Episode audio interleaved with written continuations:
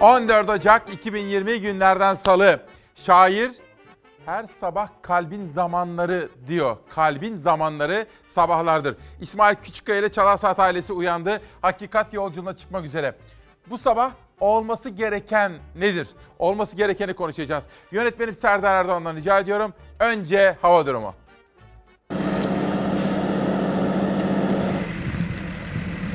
Yollar kardan kapandı, hastaların hastaneye ulaşması zorlaştı. Kimisi yağan kar yüzünden mağduriyet yaşadı, kimisi kar yağmadığı için mağdur oldu. Kar yağmadı, soğuk da gitmiyor, çok sıcak gidiyor bu sene hava. Daha hiç yılın ilk karı düşmedi. Tokat'ta geçen yıl bu zamanlar yarım metre kar vardı. Bu yıl sadece yükseklere yağdı. Merkeze bağlı Kömeç köyünün üreticileri kış budaması yapmak zorunda kaldı. Meyve üreticileri bahara yakın normallerde seyreden hava yüzünden ağaçlar çiçek açmasın diye erken budama yaptı, önlem aldı. Şimdi gravur çok erken düştüğünden güz budaması yapıyoruz. Amaç meyve kurtarmak yani. Bir türlü mevsim normallerine ulaşamayan hava koşulları Tokatlı üreticiyi endişelendirdi. Hakkari'de ise yoğun kar ve dondurucu soğuklar etkili oldu. Yüksekova ilçesine sadece 10 kilometre mesafedeki köyde yaşayan kalp hastasına 112 acil ekipleri kar nedeniyle bir türlü ulaşamadı. Hasta Selahattin Orba'ya ulaşmak için Dağdibi köyünün kardan kapanan yolu iş makineleriyle açıldı. Sivas'ın Su şehri ilçesinde de benzer bir manzara vardı. Bu kez Kale köyünden ilçe merkezine hasta taşıyan ambulans kara saplandı. İçinde hasta olan ambulans uzun uğraşlar sonucu saplandığı yerden çıkarıldı. Hasta hastaneye yaklaşık 3 saat gecikmeli olarak ulaştı.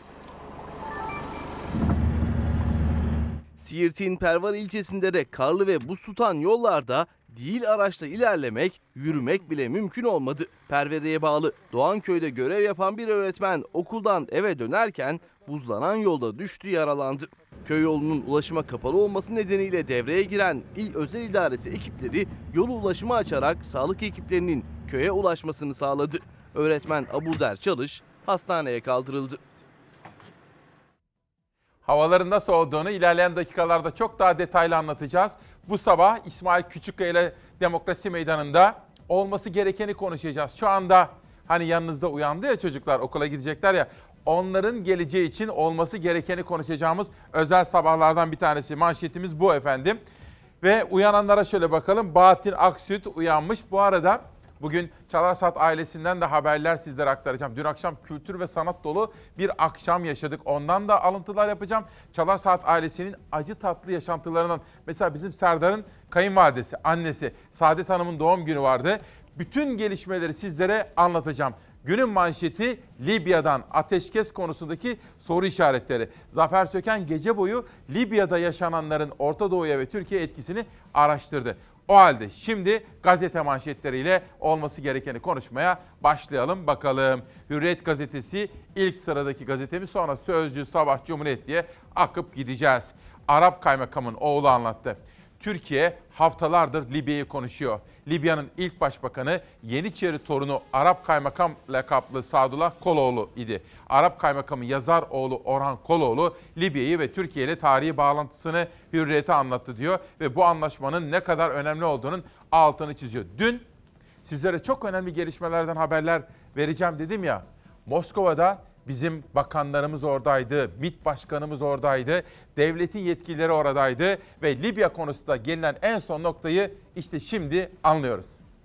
Heyetlerimiz ilgili tüm tarafların katılımıyla yakın zamanda bir ateşkes anlaşmasının imzalanmasını özellikle temenni ediyorum. Neticede e, muhtemel bir ateşkesin modalitelerini içeren bir taslak e, metin ortaya e, çıkardık. Sayın Saraj ve Sayın Meşri e, bu metni imzalayarak e, bize Türkiye tarafına e, teslim ettiler. Hafter tarafı ise yarın sabaha kadar e, Rus dostlarımızın bize söylediğine göre e, süre istediler. Cumhurbaşkanı Erdoğan'ın Beştepe'de İtalya Başbakanı ile buluştuğu dakikalarda Türk ve Rus heyetler de Moskova'da aynı masanın etrafındaydı. Ara bulucular olarak ateşkes için bir anlaşma metni hazırlandı. Sarraş hükümeti ateşkesi imzaladı. Hafter tarafı ise bu sabaha kadar süre istedi. Sabah e, Hafter tarafı da bu metni imzalarsa daha önce girişimimiz sonucunda ve iki e, başkanın çağrısı sonucunda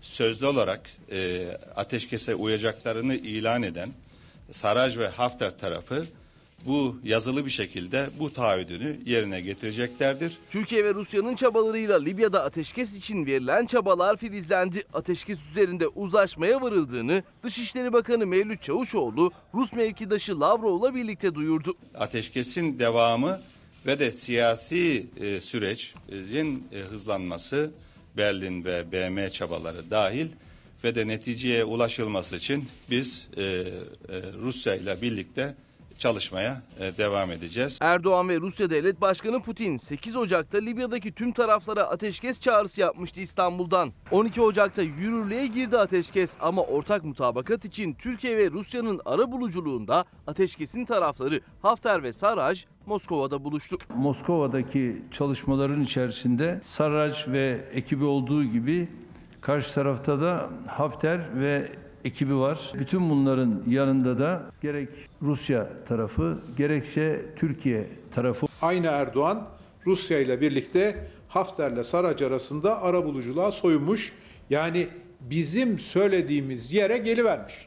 Neden bizim lafımızda gelinmiyor da Putin'in sözleriyle geliniyor?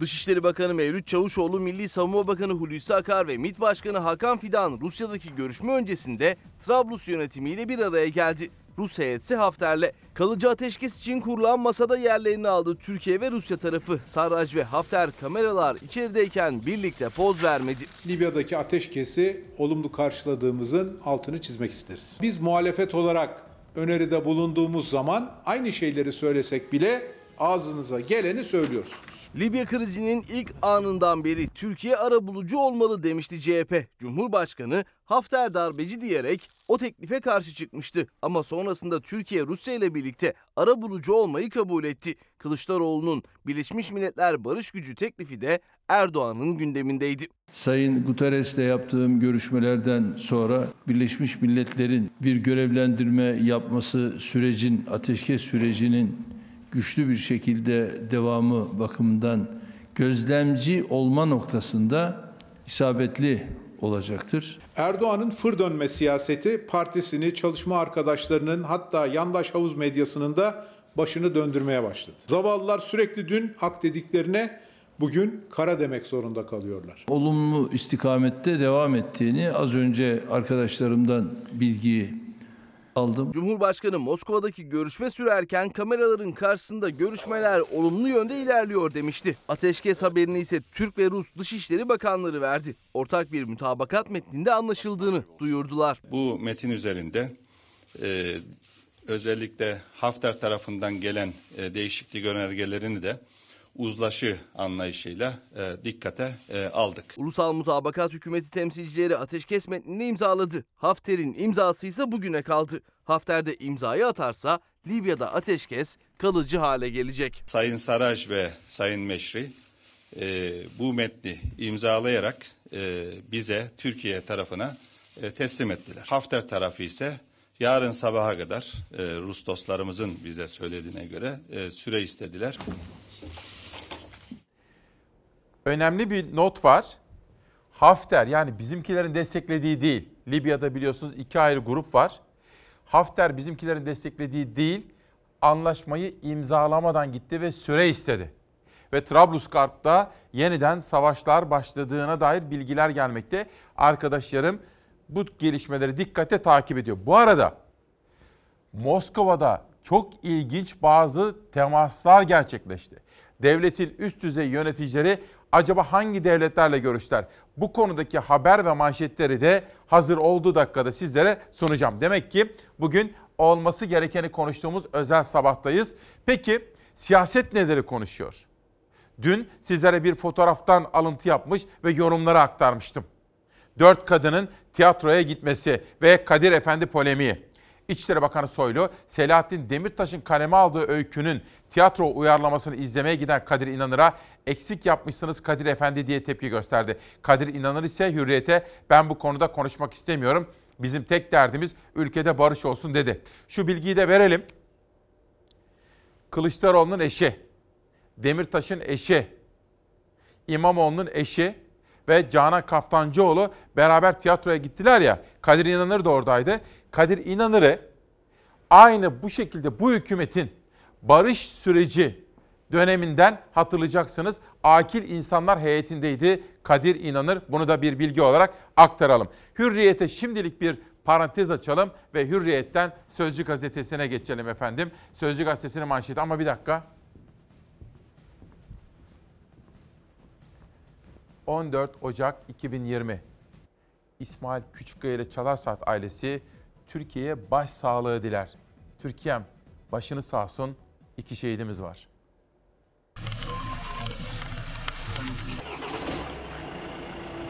Mehmetçik, Irak'ın kuzeyinde terör örgütüne göz açtırmamak için operasyon düzenledi. Teröristlerle askerlerimiz arasında çatışma çıktı. Çıkan çatışmada uzman çavuş Bayram Günay ve güvenlik korucusu İlyas Bağater şehit.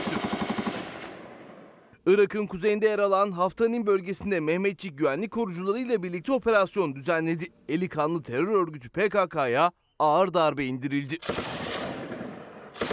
Operasyonda teröristlerle sıcak temas sağlandı, çatışma çıktı. Çıkan çatışmada 27 yaşındaki uzman çavuş Bayram Günay ve güvenlik korucusu İlyas Bağater şehit düştü. Şehitler için önce Şırnak'ta cenaze töreni yapıldı. Şehit Bayram Güney'in şehadet haberi Edirne Uzunköprü ilçesinin Dereköy köyünde yaşayan ailesine verildi. Törenin ardından şehidin naaşı uçakla memleketine gönderildi.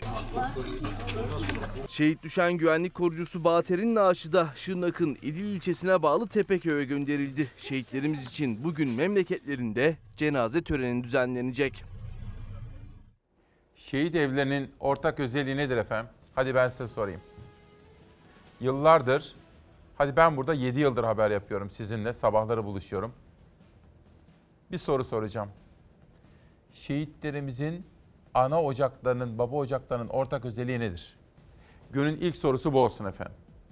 Ve şehitlerimizin yakınlarına da sabır diliyorum şehitlerimize rahmet dilerken.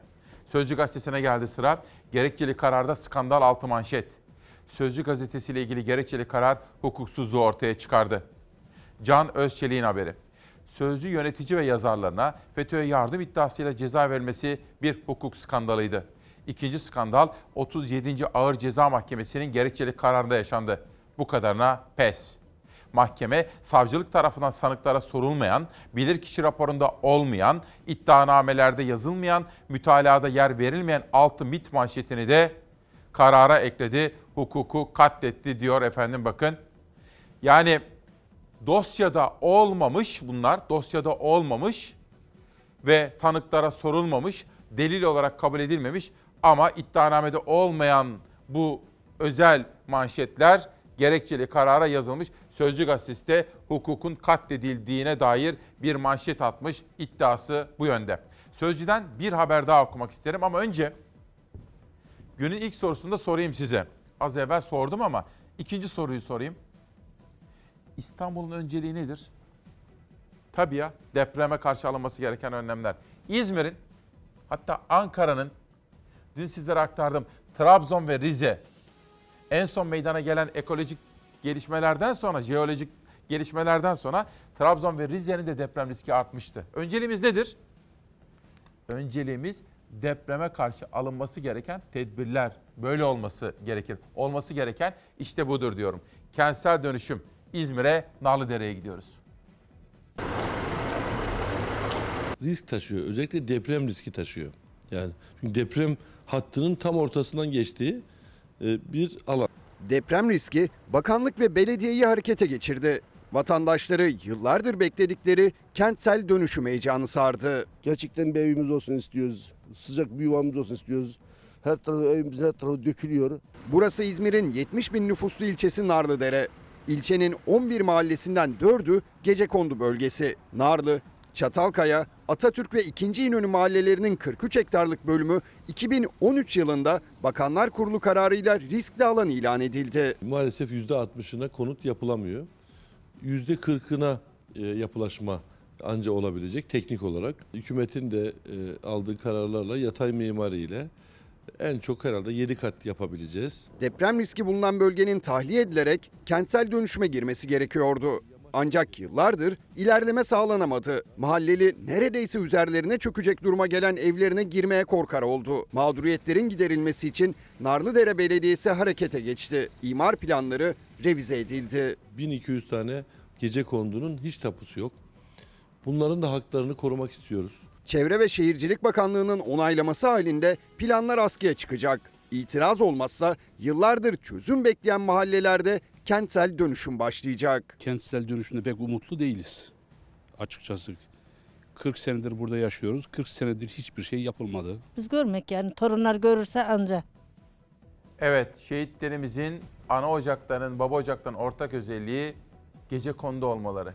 Yani fakir insanlarımız olmaları efendim. Sizden bu yönde mesajlar gelmekte. Bu arada hak mağduriyeti olduğunu söyleyenler hakkımızı istiyoruz diyorlar. Zübeyde Hanım mesela EYT'liyim, hakkım yendi. Ben oyuna girdikten sonra oyunun kuralı sonradan değiştirildi diyor. Bu arada biz mağdur olduk.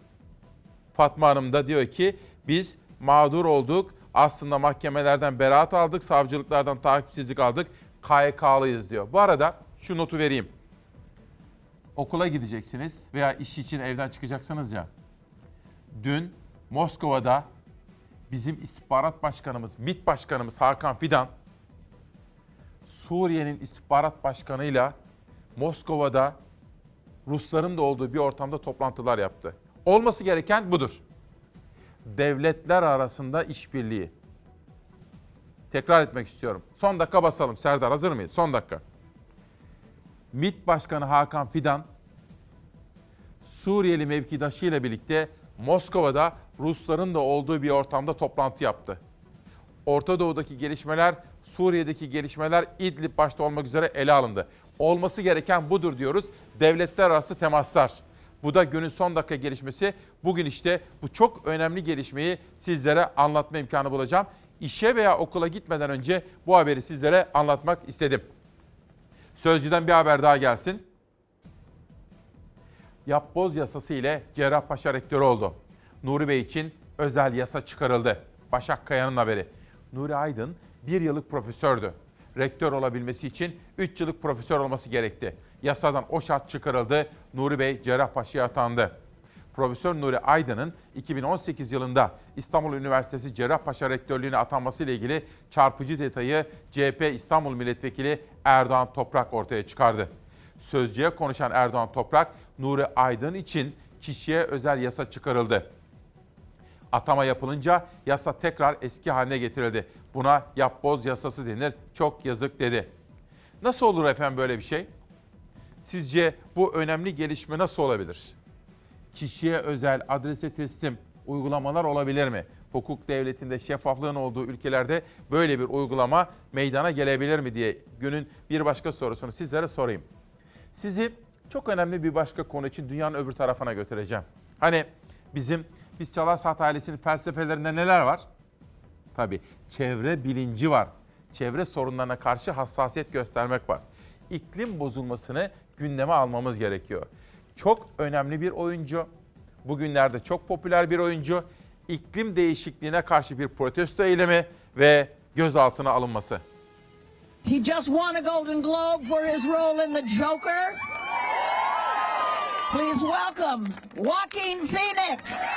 Joker rolüyle çok konuşulan, geçtiğimiz hafta Golden Globe'da en iyi erkek oyuncu ödülü alarak Oscar'a göz kırpan Joaquin Phoenix, iklim değişikliği protestolarında gözaltına alındı. Hollywood'un usta oyuncusu ve aynı zamanda bir aktivist olan Jane Fonda, Ekim ayından beri her cuma günü kitleleri bir araya getiriyor. Protestolarda birbirinden ünlü oyuncular aylardır gözaltına alınıyor, tutuklanıyor. Ama ne Jane Fonda'nın ne de destekçilerinin vazgeçme niyeti yok. Fonda'nın destekçilerinden Joaquin Phoenix de protestoların son ayağının yapıldığı Washington'a geldi. Vegan beslenmenin iklim değişikliğinin etkisini anlattı.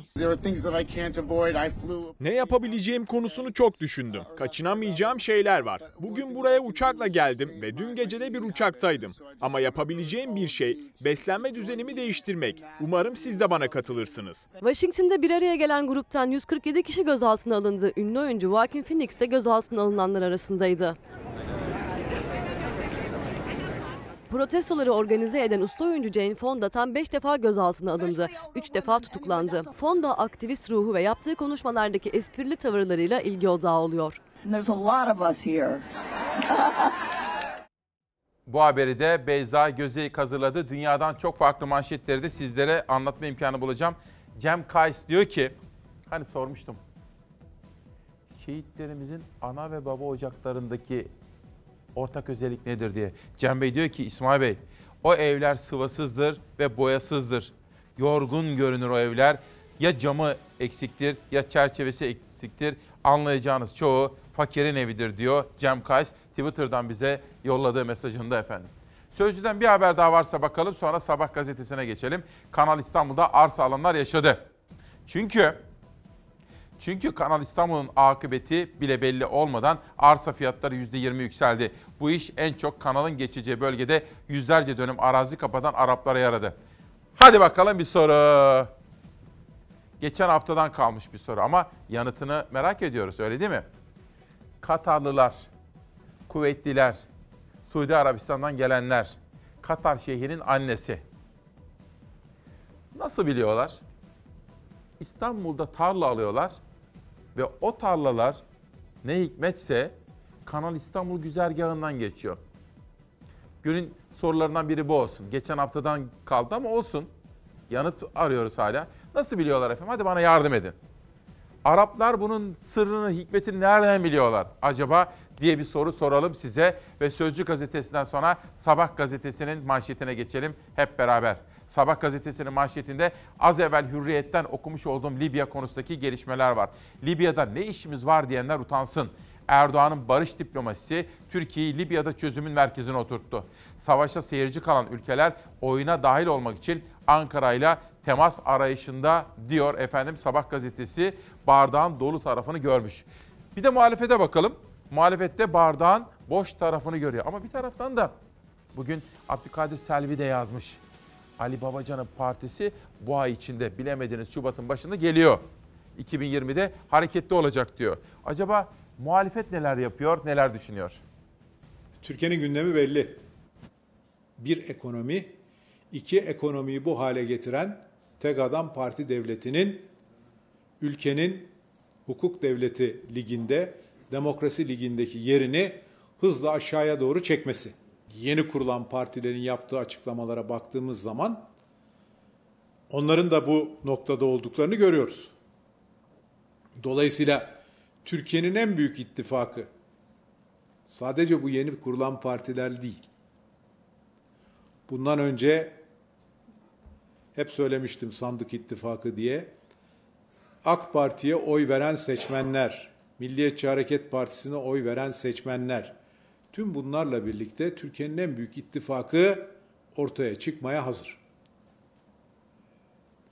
Dolayısıyla ülkenin bu kadar ciddi, yakıcı bir sorunu varken burada ortaya çıkacak olan ittifakı yatsımak, bu demokrasi sorunu karşısında ortaya çıkacak olan ittifakı yatsımak mümkün değil.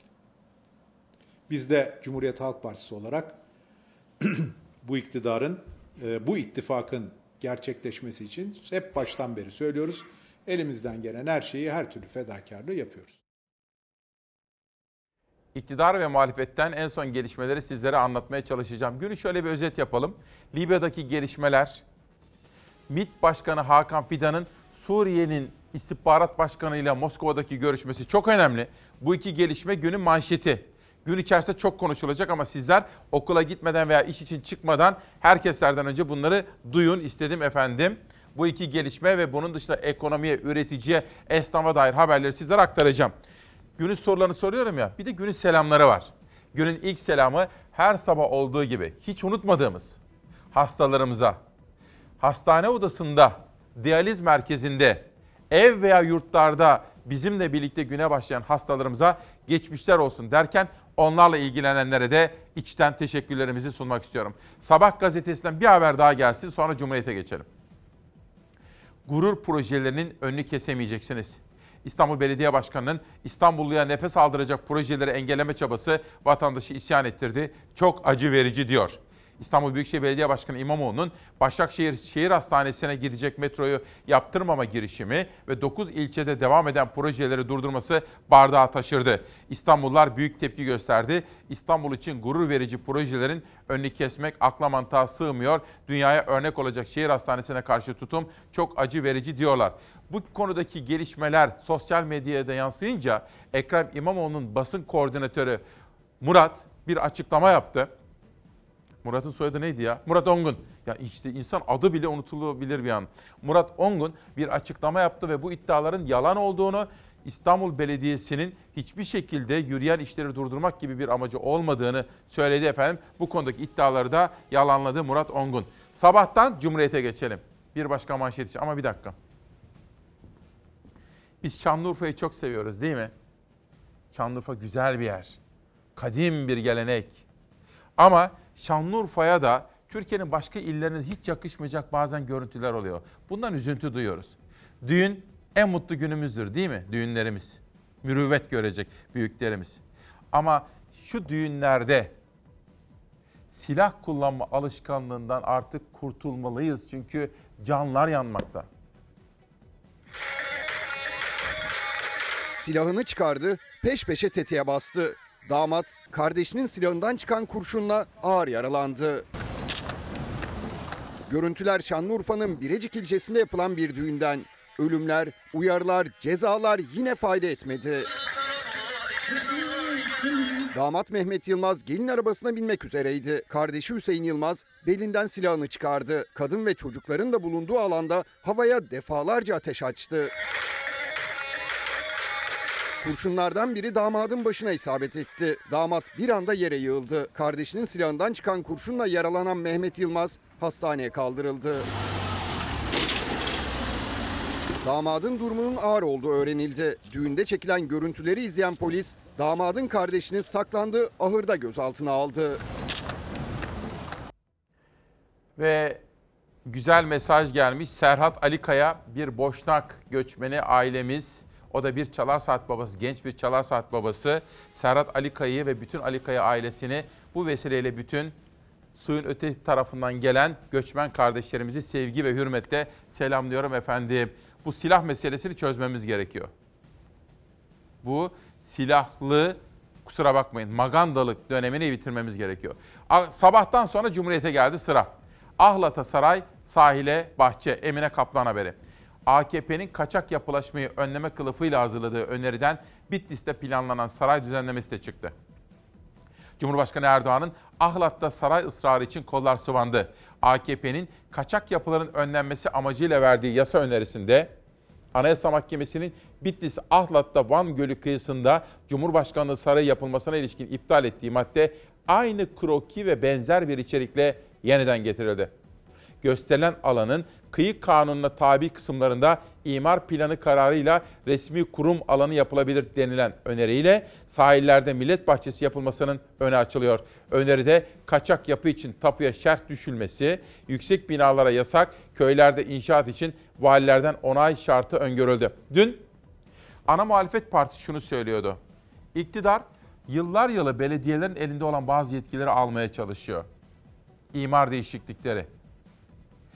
Muhalefet diyor ki iktidar belediyeleri İstanbul'da, Ankara'da, İzmir'de, Mersin, Adana, Antalya pek çok yerde kaybedince Kırşehir dahil iktidar bu defa belediyelerin yetkisini tırpanlamaya çalışıyor diyor. Bir başkası Bülent Turan'ın bir şok edici iddiası inanılır gibi değil. İktidar partisinin parlamentodaki en etkili ismi Bülent Turan yakın zamanda diyor yüzden fazla belediye başkanı başka partilerden AK Parti'ye gelecek diyor. Muhalefet haklı olarak pazarlık mı yapılıyor? Ne karşılığında? Ne teklif ediyorsunuz? Demokrasiye uyar mı bu?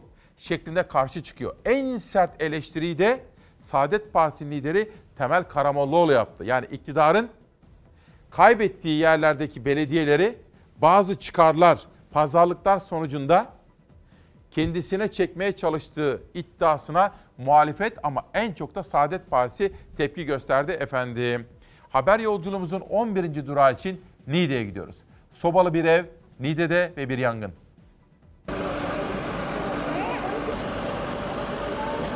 Sobadan sıçrayan kıvılcımlar alevlere dönüştü. Yangın onları uykuda yakaladı. İki katlı evi saran alevleri komşular fark etti. Ekipler olay yerine sevk edildi ancak yangında 4 kişi hayatını kaybetti, 3 kişi de yaralandı. Niğde'nin Ulukışla ilçesine bağlı Hacı Bekirli köyünde yaşandı yangın faciası. Soba yüzünden yanan evde 7 kişi bulunuyordu. Alevleri fark eden komşular itfaiye ekipleri gelmeden 3 kişi yaralı olarak evden çıkardı. Ancak geride kalan 4 kişi evden çıkamadı. İki kadının ve iki çocuğun hayatını kaybettiği tespit edildi. Yaralılar Ulukışla Devlet Hastanesi'ne kaldırıldı. Üç yaralıdan birinin durumu ise ağır. Ekiplerin olay yerindeki çalışması devam ediyor. Niğde'mize de başsağlığı dileklerinde bulunmak istiyorum. Dün sizlere aktarmıştım. Biraz tabii temkinliydim. Başka yerlerde haber yoktu. Ancak hem danışmanım hem editörüm dikkatle takip ettiler ve en sonunda o fotoğrafı Yeni Şafak'ta da bulduk. Sizlere de aktarmıştım. Çok konuşulur demiştim. İşte Cumhurbaşkanı Erdoğan'ın bir ziyareti. Hak Yolcu İttifakı. Milli eğitimde güçlenen tarikatın dernek ve şirket bağlantılarına Cumhuriyet ulaştı diyor. Şimdi bunu biraz sonra okuyacağım. Bir dakika. Önce şu fotoğrafı bir aktarmak istiyorum. Tam yeri geldi. Bakın. Cemaat sevdası bitmiyor. Sayfanın tam ortasında bir fotoğraf. Cumhurbaşkanı Recep Tayyip Erdoğan İsmail Ağa cemaatini ziyaret etti. Cumhurbaşkanı Erdoğan Mahmut Usta Osmanoğlu'nun oğlu Ahmet Usta Osmanoğlu ve Hasan Kılıç'la görüştü. Ziyarette Ali Babacan'ın Abdullah Gül'ün desteğinde kurmaya hazırlandığı yeni partinin konuşulduğu öne sürülüyor. Bazı cemaat üyeleri bir süredir iktidara yönelik eleştirilerde bulunuyor diyor. İsmail Ağa tarikatına yapılan bu ziyaret çok konuşuldu efendim. Şimdi hemen yandaki Hak Yolcu İttifakı haberine geçebiliriz. Milli Eğitim Bakanlığı, Nakşibendi tarikatının Adalet ve Sağlık Bakanlıklarında güçlenen ve hak yolcuları olarak bilinen kolu İskender Paşa cemaatiyle işbirliğini arttırdı. Nakşi lideri Nurettin Coşan'ın kurduğu şirket ve derneklere milli eğitimden okullarda etkinlik izni verildiği ortaya çıktı. Bakanlığın Ufka Yolculuk adıyla devlet okullarında tarikat üyelerine, öğretmenlere, seminer ve öğrencilere etkinlikler düzenlettiği belirlendi. Milli Eğitim'in 2013'ten itibaren sadece Ufka Yolculuk etkinlikleriyle Nakşilere emanet ettiği çocuk sayısı 3 milyonu buldu diyor. Bir soru daha soralım. Öyle ya biz biz İsmail Küçükkaya ile Çalar Saat ailesi ülkemizi çok seviyoruz. Devletimizi çok seviyoruz. Devletimizi FETÖ'nün yaptığı gibi tarikatların, cemaatlerin ele geçirmesini istemiyoruz değil mi? Soru şu olsun. Konuşalım, tartışalım. Soru şu. Siz Mezitli'deki ağaç katliamı haberini izlerken bir taraftan da zihnimiz çalışa dursun efendim. Olay ve sorumuz şudur. Devlet ve hükümet, özellikle de hükümet 15 Temmuz hain FETÖ kalkışmasından ve bütün bu süreçteki FETÖ meselelerinden yaşadığımız bu ağır travmalardan hükümet, özellikle de hükümet gereken dersi çıkardı mı? 1511 ağacı katlettiler, yerine limon ağaçları diktiler. Mersin Eski Mezitli mahallesindeki ormanlık alan talancılardan kurtulamıyor. 72 dönüm alandan gelen görüntüler doğa katliamını gözler önüne seriyor. 22 Aralık gecesi Orman Bölge Müdürlüğü usulsüz ağaç kesimi yapıldığına dair aldığı ihbarla harekete geçti. Orman muhafaza memurları 72 dönüm alanda her biri 70 yaşında 1511 kızılçam ağacının kesildiğini belirledi. Mezitli Belediye Başkanı Neşet Tarhan, eski Mezitli Mahalle Muhtarı Veysel Gılıçoğlu bölgede incelemelerde bulundu. Bölgeden 2017 ve 2019'da alınan uydu görüntüleri katliamın boyutlarını kanıtlıyor. 15 yataklı devlet hastanesi ile 50 ünitelik ağız ve diş sağlığı merkezi yapılacak yerin yanındaki bölgede kesildi ağaçlar. Ağaç kıyımının rant amaçlı yapıldığı tespit edilse de Mehmet Şenol isimli zanlı ifadesinde alkollü olduğunu ve ağaçları tek başına kestiğini belirtti. Mezitli Belediye Başkanı Neşet Tarhan katliamın üstünü kapamak için sunulan bahanelere dikkat çekti. Artık devlet arazisinin rant aracı olmasının önüne geçmeliyiz dedi. Hazine arazisi olsun. Hiç kimsenin haksız yere e, buraları bu şekilde yok etmesine izin vermemek gerekir. Neşet Tarhan Mezitli Belediyesi olarak talanın önüne geçmek için her türlü mücadele sürdüreceğiz dedi. Mehmet Yıldırım, İsmail Bey hiç Malatya'dan haber yok mu diyor. Olduğu zaman veriyoruz. Malatya'dan eğer sizlerde de bir haber varsa vere, verebilirsiniz. Haber verelim mi diye soruyor efendim. Süleyman Bey de diyor ki İsmail Bey bir soru sordunuz. Yanıtı şu. Hiç bizim hükümetimiz FETÖ'den gereken dersi çıkarmış olsaydı şimdi başka tarikatlara devleti açar mıydı? Bakın günün mesajlarından biri. FETÖ'den ders almış olsaydık bunlar olur muydu? Diyor. Efendim bu arada bizim felsefemiz var. Mutlulukta ve acıda, tasada ve kıvançta birlikteyiz. Zekiye Türker bizi de her sabah izlerdi. Bir annemiz vefat etti efendim. Ve Türkerler Holding'de bakın böyle Zekiye Türker hayatını kaybetti Ankara'da. Biz kendisine Allah'tan rahmet diliyoruz. Sevenlerine ve ailesine de başsağlığı diliyoruz. İşte Kazım Türker de bizim Ankara'dan tanıdığımız bir tanıdığımızdı ve annesi Zekiye Hanım'ı da kaybetti. Onlara Allah'tan rahmet diliyorum efendim. Yönetmenimden rica edeyim. 14 Ocak 2020 Salı sabahının hava durumu. Yağış yok, kış güneşi görülüyor. Ancak geceden sabaha buzlanma ve don endişe veriyor. Tedbir alınmalı. Bugün batı ve iç kesimlerde gökyüzü zamanla bulutlanacak. Sabah kış güneşiyle uyanan şehirlerde öğleden sonra güneşin önü bulutlarla perdelenecek. Sabah erken saatlerde ise sis pusla birlikte buzlanma bekleniyor. Dikkat edilmeli. İç Anadolu, Doğu Anadolu bölgeleri ile Karadeniz'de geceden sabaha buzlanma hem üretimde hem de trafikte mağduriyet yaratabilir. Sis ve puslu hava bu bölgelerde görüş mesafesini de düşürecektir. Çarşamba günü ise yurdun en batısında ve en doğusunda rüzgar çıkacak. Poyraz şeklinde esen sert rüzgarlar hem havayı soğutacak hem de hissedilen sıcaklıkları aşağı çekecek, üşütecek. Çarşamba günü batı bölgelerde hava kapalı. Ege'nin güney kesimlerinde ve batı Akdeniz'de yağmur ihtimali var. İç kesimlerde ve doğuda buzlanma ve don çarşamba perşembe de devam edecek. Sisli hava ile birlikte oluşabilecek aksiliklere karşı tedbirli olunmalı. Perşembe günü ise yağışlı hava tüm batı ve iç kesimleri etkisi altına alacak. Hava durumu haberine devam edeceğim. Bu arada Doğa Koleji okullarında öğretmenlerimiz hala maaş alamamışlar. Şamil Bey de bunu hatırlatıyor. Bu soğuk zamanlarda da diyor bunu hatırlatmak gerekir. Doktor Şamil Rumuzlu arkadaşımız bize bunu söylemiş. Gün özetini şöyle yapmak isterim. Libya'da yaşananlar, ateşkes kararı, Moskova'da bizim devletimizin yetkililerinin de katıldığı toplantılar ama bizim devletimizin desteklediği değil. Hafter'in anlaşmayı imzalamadan gitmesi ve süre istemesi. Günün manşeti bu. 2. MİT Başkanı Hakan Fidan'ın Suriye İstihbarat Başkanı'yla Rusların da olduğu bir ortamda toplantı yapması günün en çarpıcı manşeti. Bu ikisi yeni güne başlarken öğrenmemiz gereken en sıcak iki gelişme ki gün içerisinde ve akşama kadar bu konular konuşulacak. Tekrar etmek istiyorum. MİT Başkanı Hakan Fidan Suriye Devleti'nin istihbarat başkanıyla Moskova'da dün bir görüşme gerçekleşti. Son derece altı çizilesi bir gelişme. Ben İsmail Küçükkaya ile Çalar Saat ailesi olarak şunu diyorum. Olması gereken budur. Bugünkü manşetimiz. Bu arada dün çok gururluyduk değil mi kızlarımızla? Bakın Emin Çöleşan da voleybolcu kızlarımızı yazmış. Ama önce özet yapacağım. Ama önce hava durumuna biraz daha yakından bakmak isterim.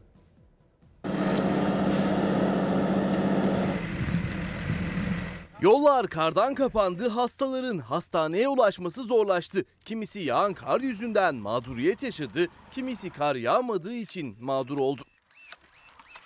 Kar yağmadı, soğuk da gitmiyor, çok sıcak gidiyor bu sene hava. Daha hiç yılın ilk karı düşmedi. Tokat'ta geçen yıl bu zamanlar yarım metre kar vardı. Bu yıl sadece yükseklere yağdı. Merkeze bağlı Kömeç köyünün üreticileri kış budaması yapmak zorunda kaldı. Meyve üreticileri bahara yakın normallerde seyreden hava yüzünden ağaçlar çiçek açmasın diye erken budama yaptı, önlem aldı. Şimdi gravı çok erken düştüğünden güz budaması yapıyoruz. Amaç meyve kurtarmak yani. Bir türlü mevsim normallerine ulaşamayan hava koşulları Tokatlı üreticiyi endişelendirdi. Hakkari'de ise yoğun kar ve dondurucu soğuklar etkili oldu. Yüksekova ilçesine sadece 10 kilometre mesafedeki köyde yaşayan kalp hastasına 112 acil ekipleri kar nedeniyle bir türlü ulaşamadı. Hasta Selahattin Orba'ya ulaşmak için Dağdibi köyünün kardan kapanan yolu iş makineleriyle açıldı. Sivas'ın Su şehri ilçesinde de benzer bir manzara vardı. Bu kez Kale köyünden ilçe merkezine hasta taşıyan ambulans kara saplandı. İçinde hasta olan ambulans uzun uğraşlar sonucu saplandığı yerden çıkarıldı. Hasta hastaneye yaklaşık 3 saat gecikmeli olarak ulaştı. Siirt'in Pervar ilçesinde de karlı ve buz tutan yollarda değil araçla ilerlemek, yürümek bile mümkün olmadı. Pervere'ye bağlı Doğanköy'de görev yapan bir öğretmen okuldan eve dönerken buzlanan yolda düştü yaralandı. Köy yolunun ulaşıma kapalı olması nedeniyle devreye giren il özel idaresi ekipleri yolu ulaşıma açarak sağlık ekiplerinin köye ulaşmasını sağladı. Öğretmen Abuzer Çalış hastaneye kaldırıldı. Hava durumu haberlerinde Ezgi Gözeger hazırladı efendim. Emeği geçen bütün arkadaşlarımı yeri ve sırası gelmişken böyle isimlendirerek onlara teşekkür ediyorum. Dün mesela Nihal Kemaloğlu'yla da baktım 1 saat 20 dakika konuşmuşum. Notlarımı ala ala ala ne konuşmalıyız diye. Sonra Zera ile sabahlara kadar burada ekibimiz çalıştı. Dolayısıyla bütün ekip arkadaşlarıma ne kadar teşekkür etsem azdır diyorum efendim. Dün gurur duymuştuk. Bakın Emin Çöleşan kadın voleybol milli takımımızın kızlarıyla ne kadar sevinmemiz gerektiğinin altını çizmiş ve meslek büyüğümüz Çöleşan 2012 yılında yazmış olduğu iki yazıyı da hatırlatıyor ve şimdi kızlarımızın yeniden finallerde şampiyon olup Almanya'yı 3-0 yenmesi ve Tokyo olimpiyatlarına kazanma katılma hakkı kazanmasından duyduğu sevinci paylaşıyor. Bu vesileyle bir kere daha kızlarımızla ne kadar gurur duyduğumuzu anlatmak isterim. Ama bizler futbola verdiğimiz önemin geçtim yarısını, beşte birini biz kızlarımıza, kadınlarımıza göstersek, voleybolda, basketbolda, atletizmde neler, ne madalyalar gelir bize. Ama biz varsa yoksa futbol. Bütün parayı, pulu, şanı, şöhreti oraya verelim. Ha bu arada Fenerbahçe ile Trabzonspor, Fenerbahçe ile Galatasaray arasındaki o polemik, Ali Koç'un yaptığı çıkış, bizi şampiyonluktan engellemeye çalışıyorlar şeklindeki eleştiri ve hem Trabzon'dan hem de Galatasaray'dan yanıtlar geldi. Onları da sizlere anlatma imkanı bulacağım. Bugün Cumhurbaşkanı Erdoğan futbol kulüp başkanları ve futbol federasyonu yöneticileriyle bir araya geliyor. Dün akşam uykumdan fedakarlık yaptım ve Çevin Berin Yoller'i davet etti sağ olsun. Türkiye'nin aydınlık geleceği konusunda sanatla uğraşan çocuklarımıza destek olan Çevin konseri vardı efendim. İlerleyen dakikalarda ondan size anlatma imkanı bulacağım özel detayları. Bu arada bu arada Fazıl Say'ı da uğradım. Dün söz vermiştim. Bugün Fazıl Say'ın dünya çapındaki sanatçımızın 50 yaşına girdiği gün. Dolayısıyla biz Fazıl Say'ı, onun kıymetli eşini ve ailesini, kızını dahil olmak üzere bütün sevenlerini de kutlamak istiyoruz. Sıradaki haberim Erzurum'dan. Uzun yıllardır Oltu'da yaşıyorum. Oltu çayının hiçbir mevsimde bu şekilde köpürdüğüne şahit olmadık. Gördüklerine inanamadılar, daha önce hiç yaşanmadığını aktardılar. Köpürerek akıyor iki akşamdır aşağı yukarı. Acaba kimyasal mı atılıyor, başka bir sebep mi var? Netice itibariyle işte doğal denge bozacak bir şey varsa bunun araştırılmasının uygun olacağını düşünüyoruz. Erzurum'un Oltu ilçesinden geçen çay vatandaşı korkuttu. İlçenin merkezinden geçen Oltu çayı hem köpürdü hem de kötü kokular yaymaya başladı. Çevredeki vatandaşlar çaya atık boşaltıldığından şüphelendi. Oltu çayının yanından geçiyordum. Pis koktuğunu fark ettim. Ee, köpük de var üzerinde. Herhalde buraya muhtemelen e, ki atık su bırakılmış gibi geliyor bana. Buna kimyasal mı katılmış, ne katılmış? Bunu yetkililerimiz baksın. Oltu ilçesinin sakinleri deredeki kirliliğin kaynağı konusunda yetkililerden yanıt bekliyor. Bizim en önemli hassasiyetlerimizden bir tanesi de çevre konusunda bir bilinç oluşturmak. Hepimizin çevremizi koruma konusunda üstümüze düşen görevler olduğunu da her fırsatta hatırlatmak. Dün sizlere duyurmuştum. Melek Aras, hani Ferzan Özer, Ferzan Baba yazmıştı ya. Rumeli Türkleri Vakfı dün bir konser düzenledi. Gerçekten çok coşkulu ve katılımı yüksek oldu. Ondan da haberleri size vermek isterim efendim. Bir gün gazetesinin manşeti. İhmaller zincirinin son halkasıyım. Burcu Cansu. Seçim öncesi siyasi şov için hazır olmadan açılan yüksek hızlı trende yaşanan facianın tüm sorumluluğu yetkili olmayan birkaç memura yüklenmeye çalışılıyor. Ankara'da 2018'de 9 kişinin hayatını kaybettiği, 107 kişinin de yaralandığı yüksek hızlı tren faciası ile ilgili 3'ü tutuklu 10 sanığın yargılanmasına başlandı. Tutuklu memur Osman Yıldırım, kazaya neden ihmaller zincirinin son halkası olmaktan dolayı üzgünüm. Eğitim almamam, tek başına çalışmam, aşırı üşümem, hata yapmama sebep oldu. Sinyalizasyon olsaydı bu kaza olmaz dedi. Bir dakika. Aklınıza şu gelebilir. Mesela o çocuğumuzun annesi Mısra Hanım sesini yükseltiyor adalet arıyor. Ya da bu gelişmeleri aktarıyoruz ya. Neden? Hadi söyleyin bana neden? Bir kaza olmuş bitmiş. 24 kişi ölmüş. Bir soru soracağım. Bırakalım ucunu. Hayır. Neden biliyor musunuz? Demokratik ülkelerde hesap verilebilirliğin olduğu ülkelerde standartlar yükselir. Denetimler sıklaştırılır. Bilinç ve farkındalık artar. Bu olunca ne olur biliyor musunuz? Hani biz Çorlu'da neden kaza yaptık? Bunu sorgularsak bir daha kazalar olmaz. Hadi bir evladımız gitti. Ama eğer biz Mısra annenin adalet arayışına aracılık yaparsak, gereken dersleri alırsak, TCDD ve devlet mekanizması üzerine düşen sorumlulukları yerine getirirse başka kazalar olmaz. Hadi olmuş bit öyle değil. Bir daha olmasın diye. O nedenle böyle yaptım. Dikkatinizi çekmek istedim. Şu cümleyi bir kere daha okuyacağım.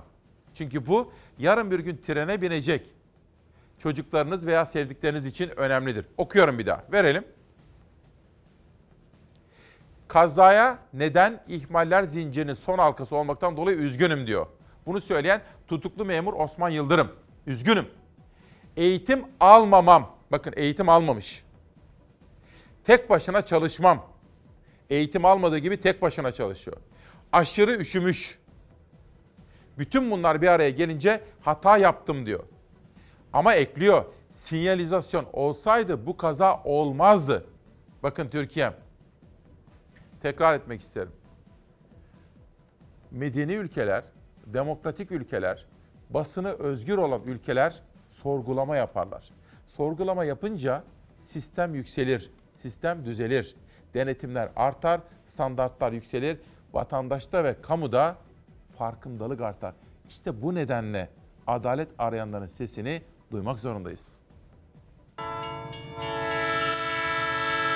En alttaki 3 tane gariban oraya çıkartılmış sanık sandalyesine ve bu arkadaşlarımıza suçlar isnat edilmiş. Bu kazanın oluşumunda arka arkaya sıralanabilecek 20'ye yakın ihmal var. Başkentte Marşandiz istasyonunda yaşanan ve 9 kişinin hayatını kaybettiği hızlı tren kazasının ilk duruşmasında Devlet Demiryolları İstanbul Ticaret Üniversitesi'ne özel bir rapor hazırlatıp mahkemeye sundu. Kazanın faturasını ölen iki makinist ve makasçıya çıkardı. Sanki kazanın oluşumundaki tek sorumlu ilkokul mezunu kendi bile ifade etmekten yetersiz bir makasçı gibi deklare edildi. Ismarlama raporları yapılıyor. Ankara Yüksek Hızlı Tren Güzergahı'nda yaklaşık 27 kilometrelik bir alanda sinyalizasyon sistemi olmadan hat tren trafiğine açıldı. 13 Aralık 2018 sabahındaysa hızlı tren Marşandiz'de kılavuz trenle çarpıştı. 9 kişi öldü, 86 kişi de yaralandı. Tren teşkil memuru yani makasçı, hareket memuru ve trafik kontrolörü tutuklandı.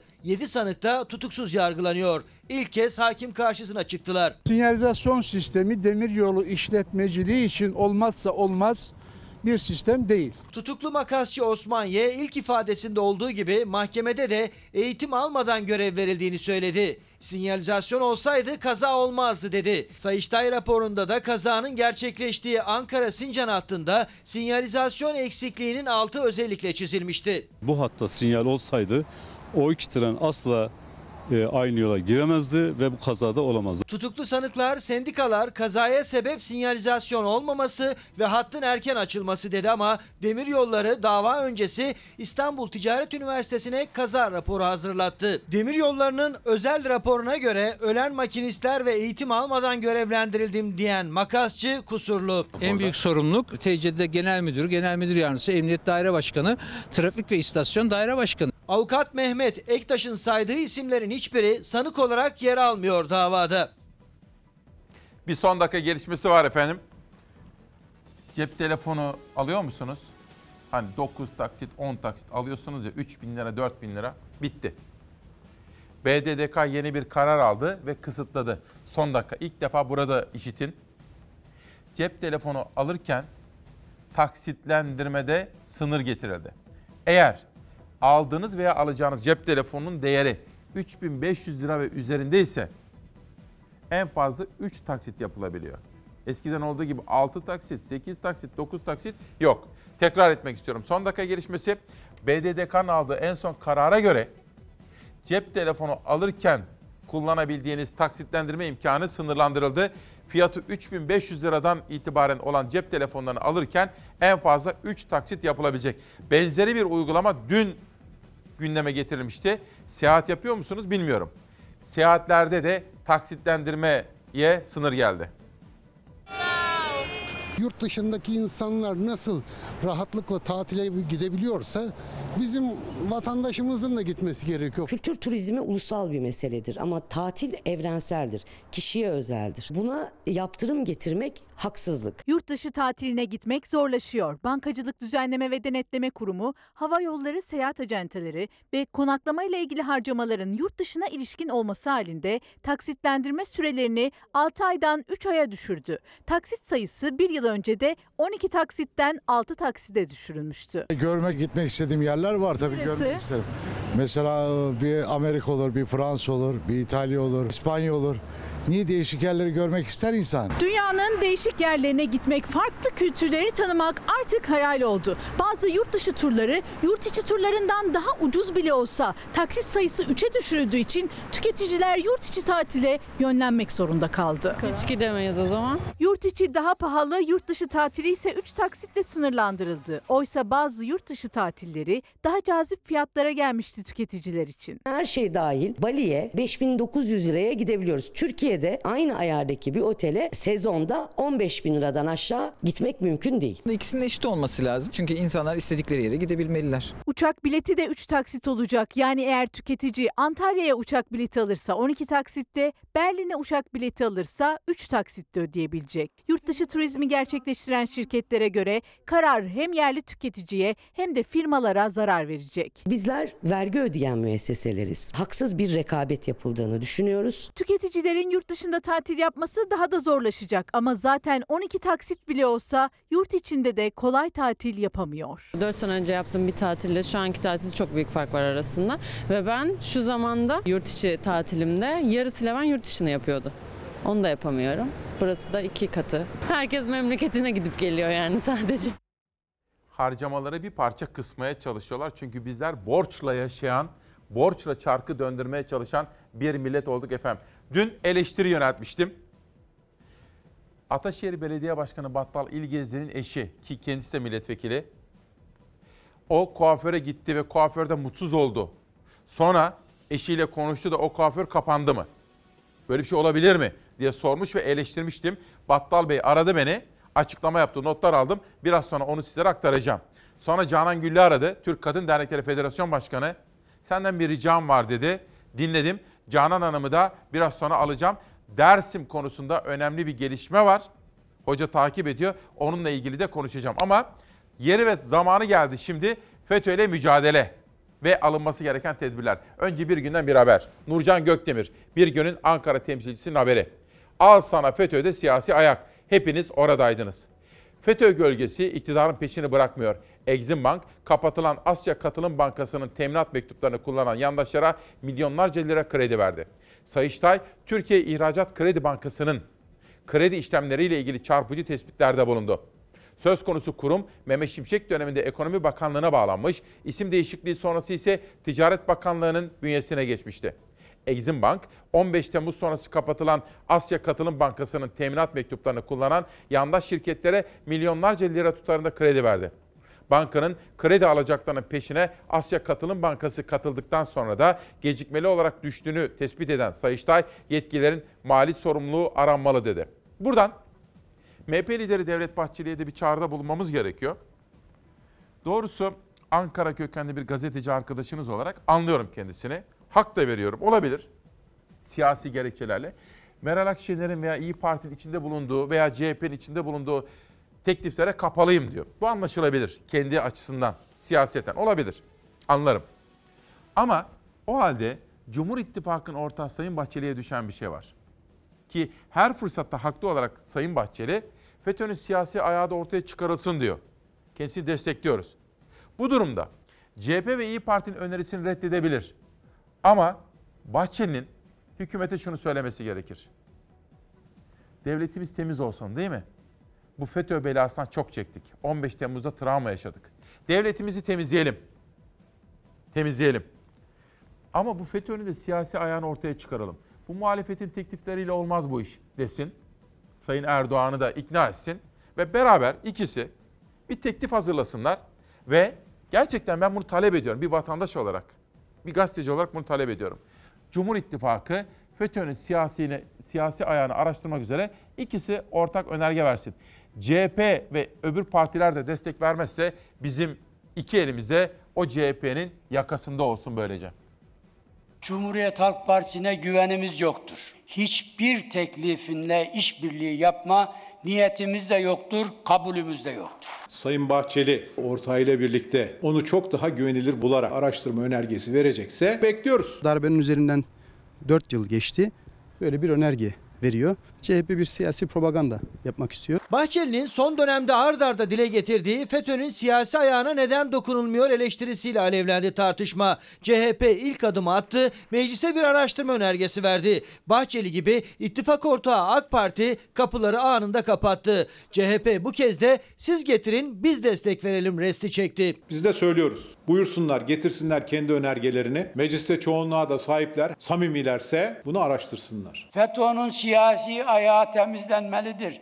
Açıklamamızı çarpıtıp teklif verin, destek olalım derler. Biz FETÖ ile çetin bir mücadele veriyorken CHP'den tek kelime duymadık. 15 Temmuz darbe girişimi sonrasında FETÖ'nün siyasi ayağı da dahil bütün yönleriyle araştırılması için meclise 5 önerge verildi. Hepsi de AK Parti ve MHP oylarıyla reddedildi. CHP Bahçeli'nin siyasi ayakla mücadelede zaaf var çıkışı sonrası 6. önergeyi verdi. Ama önergeye ilk ve en sert tepki de MHP liderinden geldi. Kulakları vardır duymaz, kalpleri vardır kavramaz.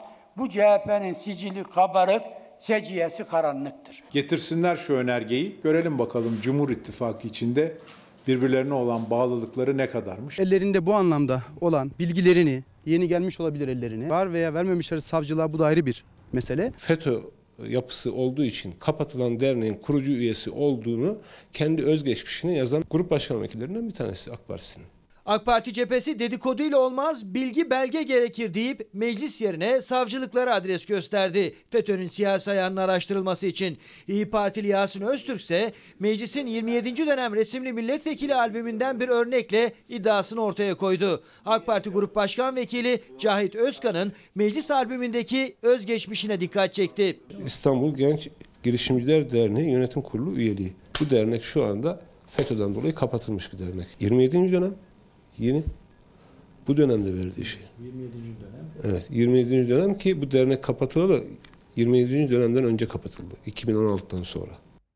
FETÖ'nün siyasi ayağından sonra günün bir numaralı manşetine sıra geldi efendim. Bugün iki ya da üç kere söyledim. Günün en önemli manşeti yani 14 Ocak 2020'nin bir numaralı manşeti. İlk defa burada duyuyorsunuz. İlk defa burada izleyeceksiniz. Gün içerisinde çok konuşulacak. Akşam da çok konuşulacak. Çünkü Libya konusundan bile daha önemli. Hazır mısınız duymaya? Bir dakikanızı alacağım ama. Önce işte bunu çok seviyorum. Siz Çalarsat ailesinin sorgulamasını, düşünmesini, yorum yapmasını çok seviyorum. Zeki Gün, gariban makasçı Osman'ın suçu ne eğitim verilmemesi, sıcak bir çalışma ortamı sağlanamamış olması, tek başına böylesi bir sorumluluk yüklemek hata değil de nedir? TCD'de sınıfta kalmıştır. Kurumun üst kademesi suçludur. Sinyalizasyon istiyoruz. İşte bu. O kocaman kazanın sorumluluğunu bir tek çalışana yükleyerek kurtulmak mümkün müdür efendim? Bu arada çok farklı manşetleri de sizlere sunmaya çalışıyorum. Tekrar etmek isterim.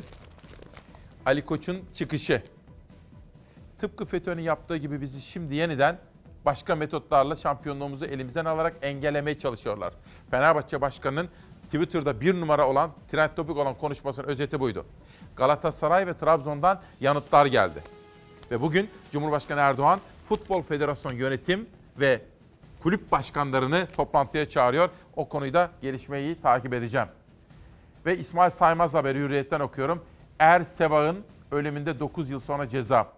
Batman'da 9 yıl önce birlikte vatani görevini yaptığı Er Sebah Bıçakçı'yı vuran Er Kıvanç Ağaoğlu'na olası kasla öldürme suçundan 16 yıl 8 ay hapis cezası verildi. Ağaoğlu duruşmada tutuklanarak cezaevine gönderildi.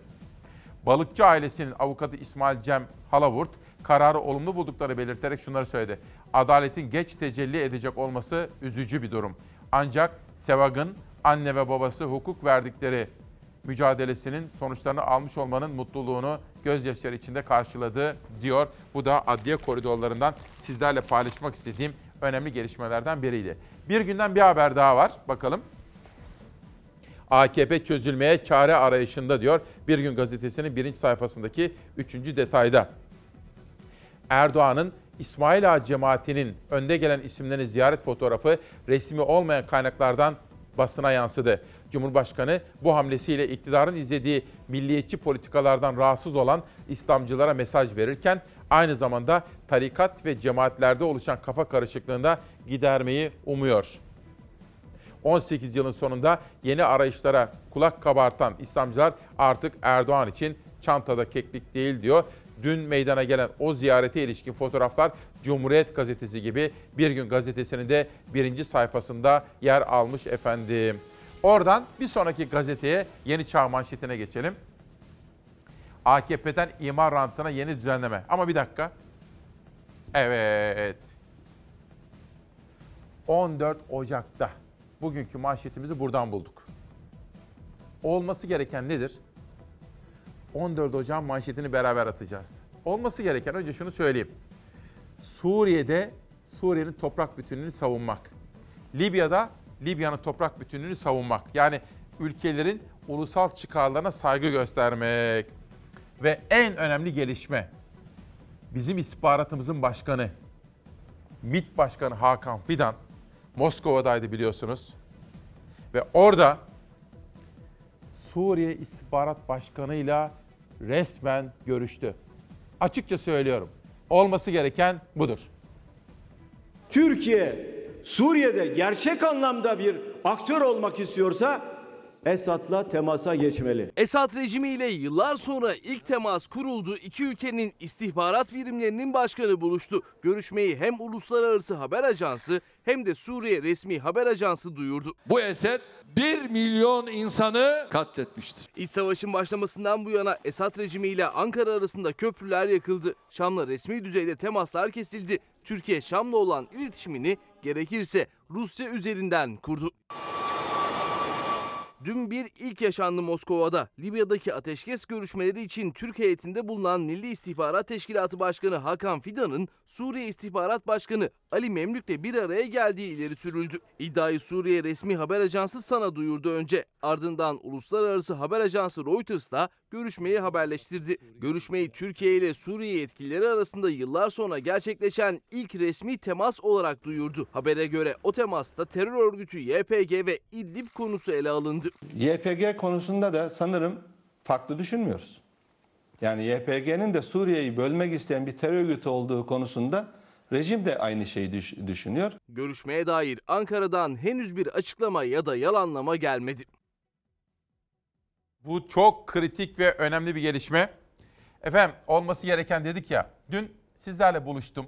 Sizlere teşekkür ettim ve vedalaştım sizlerle. Ve daha sonra çıktım. Canan Güllü hocam. Dedi ki sevgili İsmail buyurun hocam dedim. Bir kızımızı bulmamız gerek. Bulalım dedim. Ses vermemiz verelim dedim. Nedir dedim. Anlattı. Notlarımı aldım. Sonra takip ettim. Vali ne yapıyor, emniyetimiz ne yapıyor hepsini. Hocayla da konuştum. Sonra dedim ki hocam siz telefona bağlansanız bunu ben anlatacağım yerde siz anlatsanız tabii ki İsmail dedi görevimiz dedi. Olay şu. Kızımıza bir bakın lütfen. Türkiye Kadın Dernekleri Federasyonu bir paylaşım yaptı. Bugün günlerdir sorduğumuz ve arama çalışmalarını yakından takip ettiğimiz Gülistan Doku nerede sorusuna cevap almak istiyoruz dedi. Ve İçişleri Bakanlığı'nın da valiliğinde bu konuda harekete geçmesini istedi. Canan Güllü hocamız. Ve geçen hafta biz bu konuyu ya Tunceli Emek ya da Özgür Dersim gazetesinden aktarmıştık. Hani yerel gazeteler aktarıyorum ya. Şimdi hatta mı arkadaşlar? Canan Gülü. Canan hocam günaydın. Günaydın sevgili İsmail. İyi yayınlar olsun. Çok sağ olun. Hocam şu olayı bize kısacık bir anlatın ve devletimiz, emniyet, herkes devreye girsin bu kızımızı bulalım. Ee, şöyle 10. gün bugün 10 gündür aslında valilik devrede, emniyet devrede, jandarma devrede. Mesele devrede olmalarına rağmen herhangi bir sonuca ulaşamamış olmamız. Ben Sayın Valiyle de birebir görüşüyorum bu konuda bilgiler alıyorum ama hatta iki gün önce de bir yayın yaptılar. Ancak e, karayollarının kameralarla izlendiği bir bölgede. Hocam bir dakika. Bir dakika. Önce kızımızı bir anlatalım. Kızımız kimdir ve nerede, nasıl kayboldu? Tunceli Üniversitesi, e, Tunceli'de Munzur Üniversitesi çocuk gelişimi öğrencisi e, Gülistan Doku. Bundan 10 gün önce e, bir erkek arkadaşıyla kavgası var söylenen bu. Onun üzerine 10 gündür bu arkadaştan haber alınamıyor. Telefonlarıyla ilgili bir 4 saniyelik bu erkek arkadaşla görüştüğü söyleniyor ve kaybolduğu kameraların olmadığı söylenen alan Dinar Köprüsü üzerinde yani Uzunçayır Barajı'nın üstündeki Dinar Köprüsü'nün üzerinde yok oluyor, buharlaşıp uçuyor öyle söyleyelim. O günden bu yana da e, ailesinin Diyarbakır'dan geldiği, Tunceli'de yurt arkadaşlarının anlattığıyla bu süreç içinde bir şiddete maruz kaldığı bir flört ilişkisinden dolayı e, böyle bir olayın içinde haberlerle e, devreye giriyor emniyet, jandarma ve valilik. Ancak aradan geçen süre içinde su altı aramalarının yapılmasına rağmen e, bütün bölgede aramaya rağmen herhangi bir ses çıkmıyor. Şimdi biz de yine o cenahtan gelen haberlere göre erkek arkadaşının söylendiğine göre yurt dışına çıkmış olmasından, erkek arkadaşın ailesinin farklı söylemlerde bulunmasından, yine bu çok detaylı hepimizin teker teker ulaşabildiği ama bu geniş aramalarda e, ne sonuç çıktığına dair herhangi bir bilginin paylaşılmamış ve bu konuda soru soran e, öğrenci arkadaşların yaptığı eylemde de yine polis tarafından şiddet uygulandığı bir sürecin içindeyiz. Buradaki iyi niyet şu, bir kızımız daha şiddete uğramasın, bir kızımızın daha sesi kesilmesin, bir kadın arkadaşımız daha bu yolda mağdur olmasının gayretleriyle geldiğimiz süreç çok uzadı. Ve çok uzadıkça bizim bütün kadın örgütleri ve ailesi en başta olmak üzere hepimizin bu konuda Peki.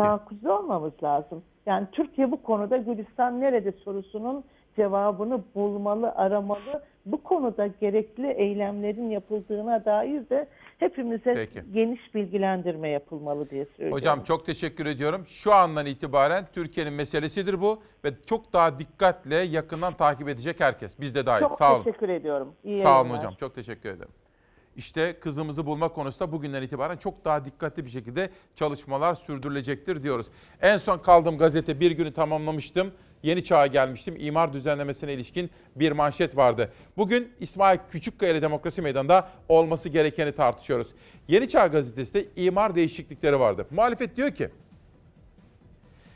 iktidar bugüne kadar belediyeler kendi elindeyken belediyelerin elinde olan yetkiyi iktidar belediyeleri kaybedince almaya başladı. Çünkü belediyeler iş yapamaz hale getirmek istiyor. Bu muhalefetin iddiası. Ve imar düzenlemesinde bunun için getirdiğini söylüyor iktidarın muhalefet. AKP'den imar rantına yeni düzenleme. Keyfi yatırımlar, oy ve para getirecek yapılar ve seçim öncesi çıkarılan imar haflarının kentleri ucubeye çevirdiğini geç de olsa gören iktidar nihayet yeni imar kanunu teklifini parlamentoya sundu demekte efendim. Bu Yeni Çağ gazetesinin yaklaşımı. Oradan başka bir detay daha var mı bakalım yoksa pencereye geçelim. Heh. Gökçek dönemine 506 milyon liralık soruşturma. Ankara Büyükşehir Belediyesi belediye şirketi Anfa'nın zarara uğratıldığı gerekçesiyle savcılığa suç duyurusu yaptı diyor. Mansur Yavaş diyor ki bu arkadaş artık derdini yargıda, mahkemelerde anlatacak. devri sabık peşinde değiliz ama tabii ki elimize geçen belgelerin hepsini mutlaka savcılıklarla paylaşacağız. Bu açıklamadan bir hafta sonra eski başkan Melih Gökçek döneminde belediyenin sadece bir ihaleden 576 milyon lira zarara uğratıldığına ilişkin teftiş kurulu soruşturması ortaya çıktı. Mansur Yavaş, Gökçek dönemine ait dev yolsuzluk iddiasını savcılığa taşıdı. Sorumlular hakkında suç duyurusunda bulundu. Artık derdini yargıya anlatacak. Mansur Yavaş koltuğa oturduğu günden bu yana geçmişi de mercek altına alıyor. İmar artışlarını, hizmet alımlarını, ihaleleri. 2015 yılında yapılan bir ihale de onlardan biri. Gökçek döneminde Çevre Koruma Daire Başkanlığı belediyeye bağlı Anfa şirketine 1 milyar 722 milyon 220 bin 502 liralık bir ihale verdi. Ankara ili sınırları içindeki parklar, refüjler, piknik alanları, havuzlar ve belediyeye ait tesislerin bitkisel, inşaat, bakım, onarım işleri. Gökçek istemeden kuş uçmazdı o devirde. Müfettiş raporuna göre bir yılda bitmesi gereken iş 28 ayda bitirildi. 1817 kalem iş yapılmadı. Yapılanlar da resmi evraklara metrekareleri yükseltilerek yansıtıldı. Yapılan işlerin maliyetlerinin çok çok üstünde olduğu ve belediyenin 576 milyon lira zarara uğratıldığı müfettiş raporuna yansıdı. Her ne kadar inkar etse de yargı gereken cevabı verecektir. Bundan sonra onu zor günler bekliyor. Ankara Büyükşehir Belediyesi Cumhuriyet Başsavcılığına yaptığı suç duyurusunda bir isim belirtmedi ama o dönemdeki sorumluların tespit edilmesini istedi. İhaleye alan şirketler hakkında da idareyi zarara uğrattıkları gerekçesiyle ek soruşturma başlatıldığı öğrenildi. Ankara'yı bilenler bilecekler ama şu iki kelimeyi unutmayın. İncek ve Çukurambar. Müfettişler didik didik ediyorlar. O yükselen büyük büyük binalar ve rantlar özellikle FETÖ'ye nasıl gitti? İncek ve Çukurambar. Çukurambar AK Parti döneminde parlayan bir yer ve büyük büyük binalar var. Şimdi müfettişler bunu inceliyor. Kimlere yüksek imar verildi orada ve ayrıca İncek, Ankara'nın son yıllarda gelişen yeri efendim müfettişler inceliyor. Elimde iki mektup. Bir tanesi Samsun T tipinde yatmakta olan kader mahkumu Erkan Uzun. O Bahçeli'nin gündeme getirdiği af sistemiyle ilgili soru ve beklentilerini ifade ederken bir de Van'dan bir mektup var. Van cezaevinden Remzi Özdemir'den bunu 9 kuşağında okuyacağım. Çünkü birazcık daha farklı detaylara inmek istiyorum efendim. Şimdi iki gazete manşeti sırada pencere var. FETÖ'nün siyasi ayağı araştırılmayacak. AK Parti CHP siyasi propaganda olarak kullanmak istiyor diyor ve FETÖ'nün siyasi ayağı araştırılması şeklindeki önerge karşı çıkıyor. Ama az evvelki sözlerimizi tekrar edelim. Sayın Bahçeli'ye düşen anlaşılırdır. Tabii ki CHP'nin veya İyi Parti'nin önerisine destek vermeyebilir. Siyasi gerekçelerle anlaşılabilir. Lakin Sayın Bahçeli'ye düşen Cumhur İttifakı'nın ortağını da ikna edip Sayın Bahçeli'nin hep söylediği gibi FETÖ'nün siyasi ayağının araştırılması. Bunu getirsinler parlamentoya. Eğer bu CHP'de destek vermezse kendilerine onların yakasında olsun iki elimiz efendim. Bu önemli bir gelişme. Sonra bir haber daha gelsin. Erdoğan İsmail Ağa'yı ziyaret etti. Cumhurbaşkanı Erdoğan İsmail Ağa cemaatinin lideri Mahmut Usta Osmanoğlu'nun oğlu Ahmet Usta Osmanoğlu ve halife olarak gösterilen Hasan Kılıç'ı ziyaret etti. Ziyareti kamuoyuna duyuran ise Cumhurbaşkanlığının resmi kanalları değil İsmail Ağa cemaati oldu diyor. Pencereden bugün ulusal gazetelerin arasına Yeni Gün gazetesini aldım. Zamlar yüzünden şoför bulamıyoruz. Otoban, köprü ve mazota gelen zamları yolcu biletlerine yansıtamadıklarını belirten TOFET Başkanı Birol Özcan, zamlar yüzünden otobüslere şoför dahi bulamıyoruz diyerek dert yandı. Bu da bir İzmir gazetesiydi. Dün uykumdan fedakarlık yaptım ve Türkiye'mizin geleceği için sanatla uğraşan, sanatla iştigal eden çocuklarımız, genç yıldızlarımız. ÇEV Genç Yetenekler Konseri Berrin Yolleri çok emek harcamıştı. Fazıl Say'ın da, Cihat Aşkın'ın da çok destek verdikleri, İbrahim Yazıcı'nın çok destek verdikleri önemli bir akşamdı. Ben de gittim. Bu önemli akşamda hem kendime umut olsun, hem biraz müzik dinleyeyim, hem de Türkiye'nin aydınlık geleceği konusunda sanat yapan çocuklarımız, ÇEV çocuklarımızı destekliyor. İçiniz ferahlasın. Ha bunu da vereceğim bir dakika dönüşte. Ama bizden size küçücük bir armağan genç yeteneklerden.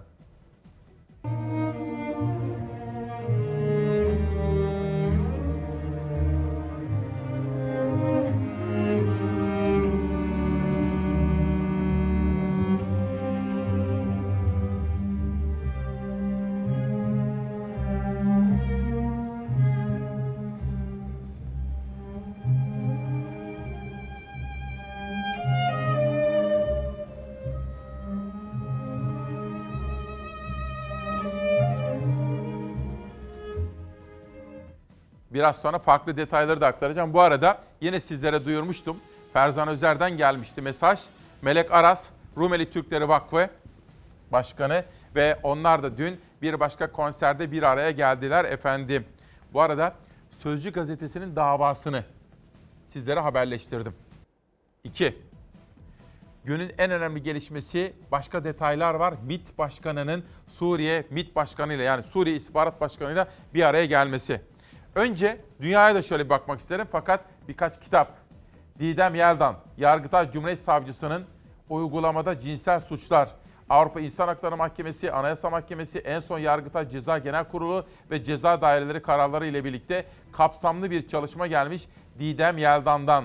Yargıtay Cumhuriyet Savcısı böyle bir kitap yapmış efendim. Önemsedim. Ve bir başkası bir zamanlar Toroslar'da bu da Yapı Kredi Kültür Sanat yayınlarından çıktı. Biraz sonra da 16 kitap daha tanıtımı yapacağım. Dış medyaya mı geldik arkadaşlar? Verelim bakalım. Dünyada neler oluyor? Bakın bir ya, bir volkan, volkanın patlaması ve tahliyeler. Buraya mı gidiyoruz? Bu hazır mı? Görüntüleri de enteresan, haberin içeriği de çok çarpıcı. Nereye gidiyoruz biliyor musunuz? Filipinlere.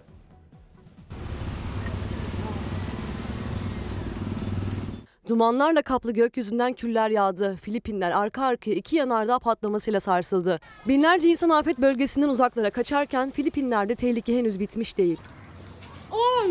Filipinlerin başkenti Manila yakınlarında bulunan Tal Yanardağ aktifleşti. 12 Ocak günü ilk patlama yaşandı. Dün ise ikinci şiddetli patlama gerçekleşti. Dünkü patlama sonrası 52 volkanik deprem kaydedildi. Can kaybının yaşanmadığı patlamalarda Tal Yanardağ bölgesinde 6346 kişi tahliye edildi. Filipinler için tehlike henüz bitmedi. Yanardağ hareketlerinin izlendiği ajanstan yanardağın uydu görüntüleri geldi. Üçüncü bir patlamanın söz konusu olduğunu ifade eden yetkililer bölgede alarm seviyesini 3'ten 4'e çıkardı. Manila Hava Yolları'nda uçuşlar durdu. Şimdiye kadar 500 uçuş ertelendi.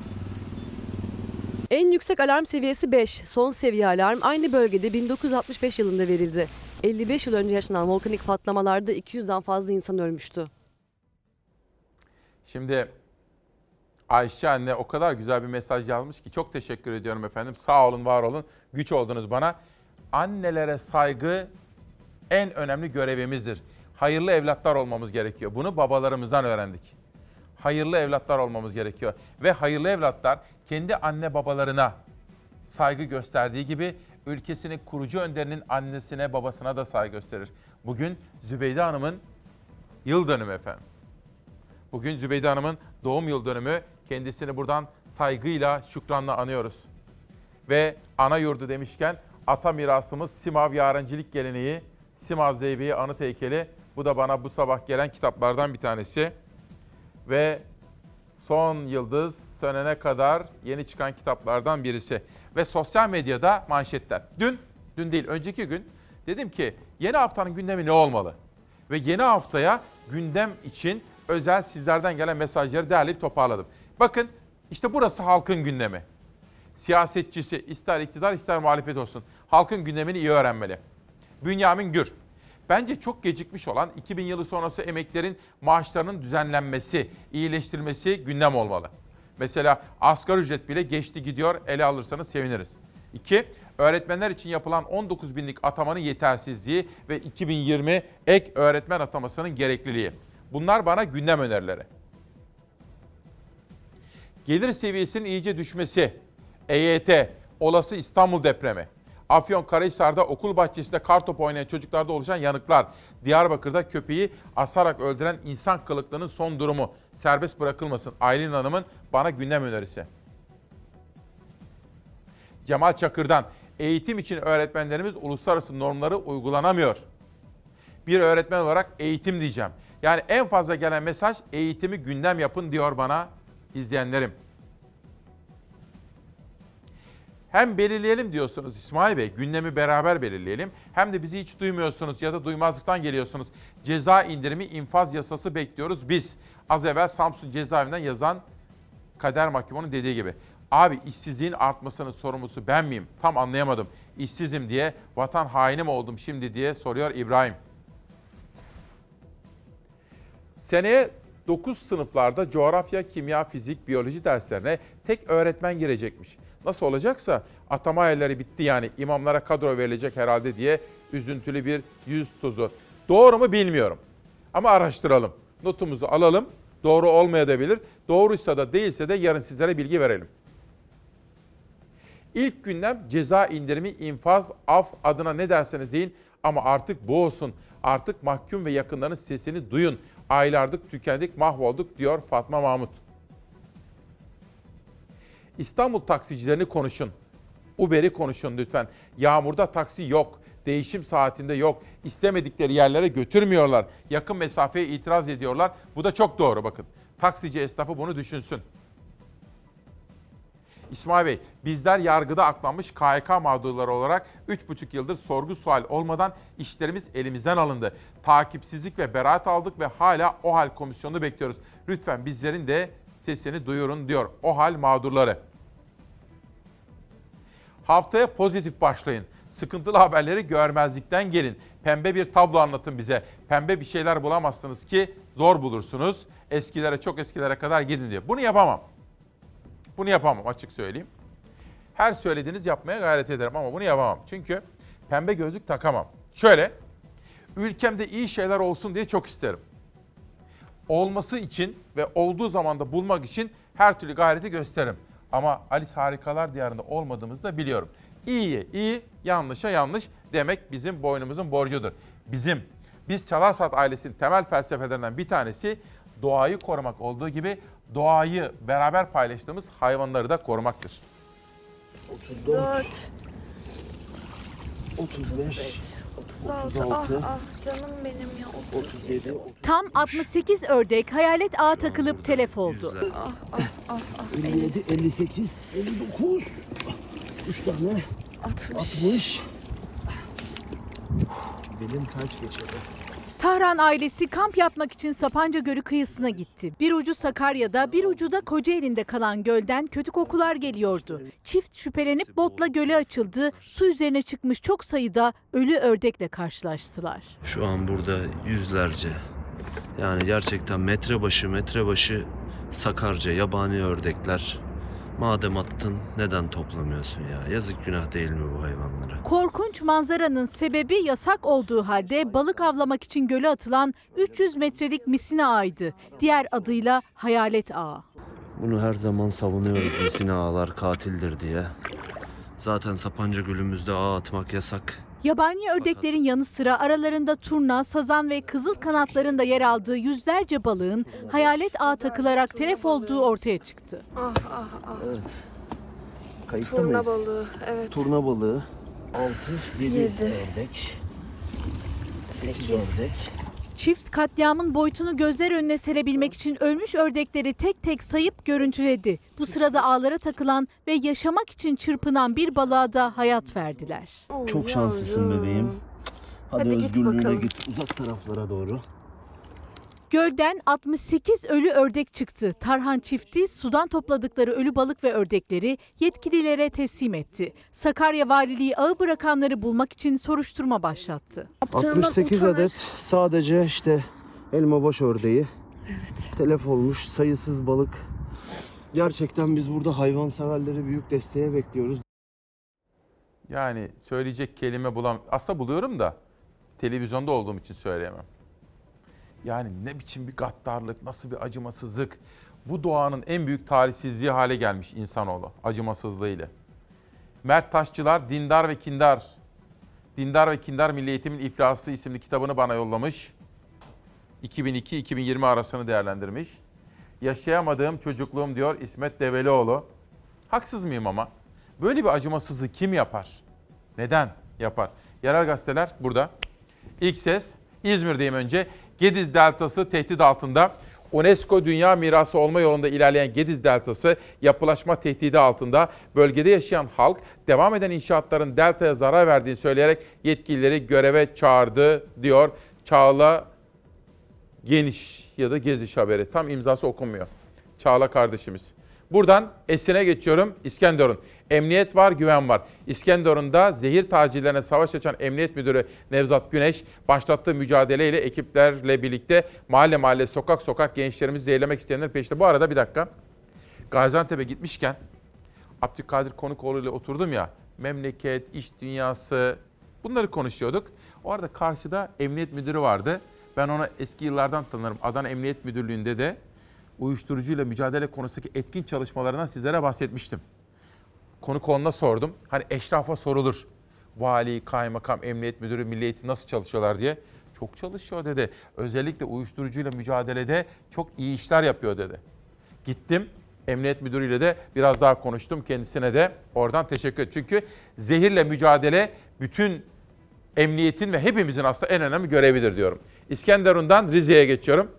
9 kuşağında evrensel manşetinde Rize var. Sizlere sunacağım onu. Karadeniz fayı yavaş ve sinsi hareket ediyor. Dün sizlere duyurmuştum.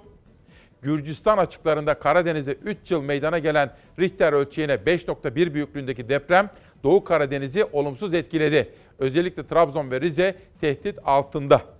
Geçelim vatandaşa. Edirne'deyim. Son 10 yılın en kurak Edirne'si. Sadece Edirne için değil, Türkiye için böyle bir gerçeklik var maalesef. Edirne'den Van'a geçiyor. Bakın Edirne'den Van'a Türkiye turu. Beklenen kar nihayet yağdı. Vanlılar kar yağışına sevindi efendim. İki kelime söyleyeceğim. Ama önce sorayım. Sizce CHP liderinin son yıl en fazla kullandığı iki kelime, en çok üzerinde durduğu konu hangisidir? Bildiniz. Tank palet. Bizim bir an önce tanka sahip olmamız söz konusu olduğundan dolayı elimizdeki bu imkanlardan yer almak üzere demece ihaleyi kazandı. E, öbür firma kazansaydı onu da verecekti bu iş. Yani akıl mantık bu. Yeni baştan şimdi fabrikanın kurulması, yapılması, edilmesi vesaire zaman alacak. Altay tankına acil ihtiyaç olduğu için Arifiye devrildiği bir şey yok. Tank palet fabrikasının 25 yıllık kullanım hakkının Katar ortaklı özel şirkete devri için acil tank ihtiyacını gerekçe göstermişti Milli Savunma Bakanı. Ama Savunma Sanayi Başkanı İsmail Demir fabrikanın devri acil ihtiyaçla ilgili değil dedi. Savunma Sanayi Başkanı Altay tankının söz verilen sürede 2020 yılında üretilemeyeceğinin de işaretini verdi. Bu motorun ihraç lisansına tabi olduğu ve ihraç lisansı da tabii bizim inisiyatifimiz olan bir şey değil. Altay tankı ihalesini kazanan Katar ortaklı özel şirkete özel teşviklerle birlikte Sakarya Arifiye'deki Milli Savunma Bakanlığı'na ait tank palet fabrikası da tahsis edildi. Gerekçe şirketin kendi fabrikasını kurmasının uzun zaman alacağı. Silahlı kuvvetlerden bir an önce tank istiyoruz dediler. 24 ayda yapabilmemiz için Arifiye'nin imkanlarından yararlanma ihtiyacı çıktı. Katar ortaklı şirketin yönetim kurulu başkanı Ethem Sancak da devlet acil üretim istedi diyerek fabrikanın tahsisini savundu. BMC ile Savunma Sanayi Başkanlığı arasında imzalanan anlaşmaya göre ilk tankın üretileceği tarihte 2020 yılı. Cumhurbaşkanlığı Strateji ve Bütçe Başkanlığı'nın hazırladığı 2020 planında da açıkça yazıyor. İlk Altay tankı 18 ay sonra Kara Kuvvetleri Komutanlığı'na teslim edilecek. Hayırlı olsun. Savunma Sanayi Başkanı da 9 Kasım 2018 tarihinde BMC şirketiyle Savunma Sanayi Başkanlığı'nın Altay tankı için imzayı attığı gün 18 ay sonrasına yani 2020 Mayıs'ına tarih verdi ama bugün soruldu yine 18 ay dedi. 18 ay diyoruz. Şunu lütfen kaşımayın. O motorun ihraç lisansına tabi olacağını ve müsaade alınacağını herkes biliyordu. Bu da bir süreçtir bu süreç devam ediyor. Bunda kaşınacak ne oldu anlamadım ben. Savunma Sanayi Başkanı İsmail Demir Altay tankının üretim tarihi sorusuna karşı kaşımayın yanıtını verdi. Motor ve güç paketi sorununun henüz çözülmediğini söyledi. İlk Altay tankının teslimi için bir tarih vermedi. Didem Gülçin Erdem, şair Didem Gülçin Erdem, Behçet Aysan şiir ödülünün sahibi oldu. Kendisini kutlamak isterim. Bugünden sonra kendisini daha yakından tanımanız için elimizden geleni yapacağız efendim. Bunun dışında biraz sonra ekonomiye dair haberler, hayata dair manşetler ve özel hazırlıklarım ve sürprizlerim var efendim. Gaziantep'ten Adana'ya, Diyarbakır'dan İzmir'e kadar manşetler derleyip toparladım. Bugün dünya çapındaki sanatçımız, büyük gururumuz Fazıl Say 50 yaşına girdi 14 Ocak'ta. Dün akşam gittim kendisini kutladım. Kendisinin Siz Çalarsat ailesine selamları var. Kitap tanıtımı yapacağım. Bu arada her sabah bizi izlerdi. Zeki annemiz Zekiye Türker hayatını kaybetti. Kazım Türker'in de annesi oluyor. Türker ailesine başsağlığı diliyorum efendim. Her sabah bizi izleyen kıymetli bir annemiz de o. Fıratcan Firik, Mutluluk Çetesi isimli kitabıyla Çalar Saat'te. Yüreğim mülteci diyen Meral Bayram İsmail Küçükkaya ile Çalar Saat'te.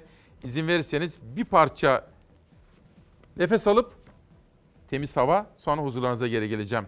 Bu haftanın şairi Tozan Alkan. Her sabah kalbin zamanlarıdır. Dün ne diyordu? Kalbin terazisidir diyor ya. Yeni bir şiir.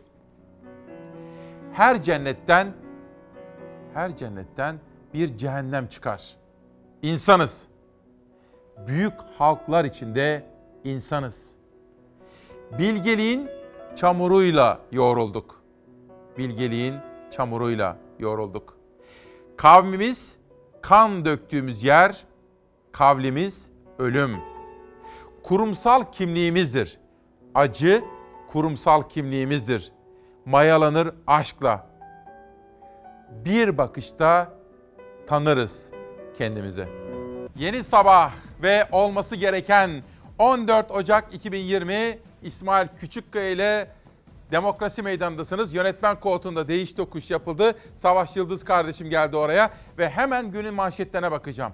Şu ana kadar verdiğim hiçbir haberi tekrar etmeden yepyeni haberlerle ama günün en önemli manşetlerini küçük küçük hatırlatarak, tekrara kaçmadan ama hatırlatarak. Mesela bir, hadi söyleyin bana. Günün ilk manşeti nedir? Önce biz konuştuk ya başkaları sonra konuşacak. MİT Başkanı Hakan Fidan'ın Moskova'da Suriye İstihbarat Başkanı ile konuşması. Olması gereken budur dedik ve günün manşetini attık. Libya ara buluculuk çalışmaları ve aksamalar. Hafter anlaşmayı imza atmadan gitti. Hani bizimkilerin desteklediği değil. Öbür taraftaki Hafter anlaşmayı imzalamadı. İşte bu iki gelişmeyle başladık. 3. Adalet mekanizmasına ilişkin bir manşet. Gerekçeli kararda skandal altı manşet. Can Özçelik haberi bugünkü Sözcü'de. Sözcü gazetesiyle ilgili gerekçeli karar hukuksuzluğu ortaya koydu. Sözcü yönetici ve yazarlarına FETÖ'ye yardım iddiasıyla ceza vermesi bir hukuk skandalıydı. İkinci skandal 37. Ağır Ceza Mahkemesi'nin gerekçeli kararında yaşandı. Bu kadarına pes. Mahkeme savcılık tarafından sanıklara sorulmayan, bilirkişi raporunda olmayan, iddianamelerde yazılmayan, mütalada da yer verilmeyen altı MIT manşetini de karara ekledi. Hukuku katletti diyor. Zannediyorum Hakimler Savcılar Kurulu bugün ya bir açıklama yapacaktır ya da konuyu inceleyecektir. Çünkü iddialar vahim. Ama biz Çalarsat ailesi şunu soralım. Emin Çöleşan'a, Necati Doğru'ya, Sözcü Gazetesi'ne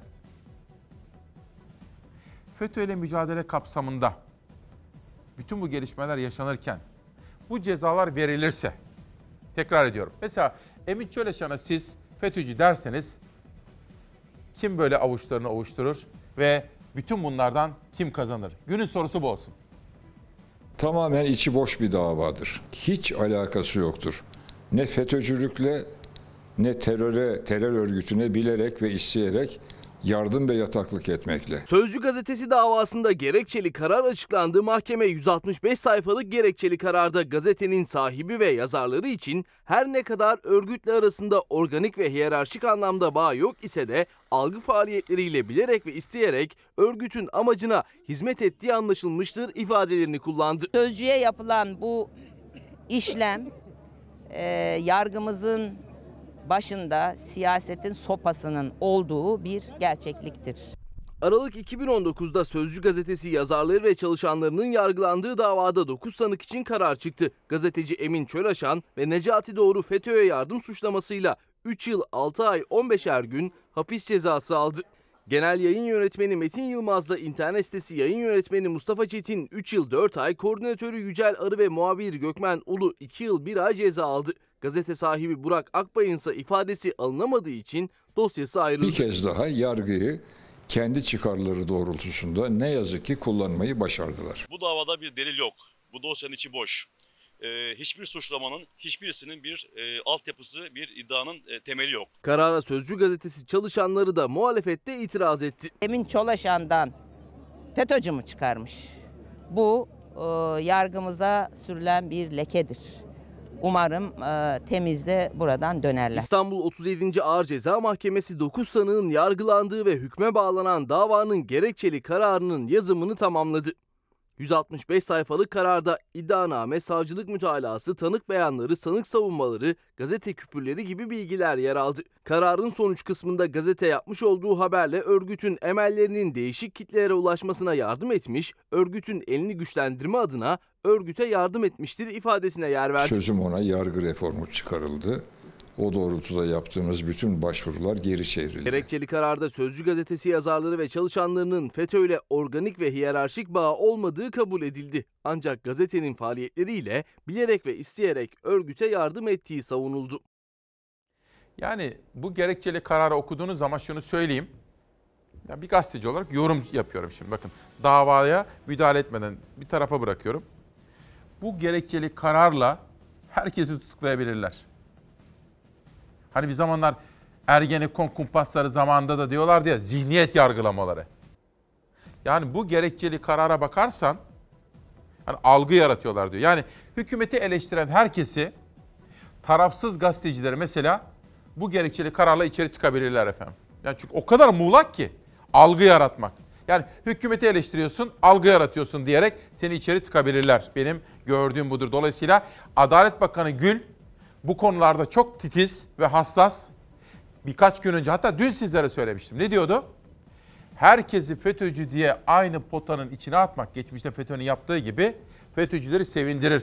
Adalet mekanizması bundan kendi koruyacaktır diyordu Adalet Bakanı Gül. Sözcüden geçelim Dünya Gazetesi'ne. Efendim bugün 14 Ocak'ta devletimizin kurucusu, hepimizin rol modeli Gazi Mustafa Kemal Atatürk'ün kıymetli annesini. Onu bugün saygıyla anıyoruz. Bakın o da bir büyük dünya liderini yetiştirmiş kıymetli bir anne. Atatürk'ün annesi Zübeyde Hanım'ın ölüm yıl dönümü bugün 14 Ocak 2023 ve bugün kendisini sevgi ve saygıyla, rahmet duygularıyla anıyoruz. Kendisinden dualarımızı esirgemiyoruz. İyi ki Zübeyde Hanım Mustafa Kemal'i doğurmuş da o da kendisini Atatürk yapacak ve bize bu devleti armağan edecek. Türkiye Cumhuriyeti'ni kurmuş efendim. Ruhları şad olsun diyorum. Ve gazete manşetleriyle haber yolculuğumuza devam ediyorum. Bir soru soracağım. Bu soru sormayı da çok seviyorum. Çünkü konuşuyoruz yani böyle. Ben de yalnız kalmıyorum. Sizler de zihin egzersizi yapmış oluyorsunuz. Böyle sohbet ediyoruz. Günü beraber karşılamış oluyoruz. Sorunları görüyoruz, soru soruyoruz ama umutsuzluğa kapılmıyoruz. Hep soruyorum bunu ama her zaman da soracağım. Çünkü ben ne iktidara bakarım, enflasyon söz konusu ise ne muhalefete bakarım. Ben çarşıda, pazarda yaşadığıma bakarım.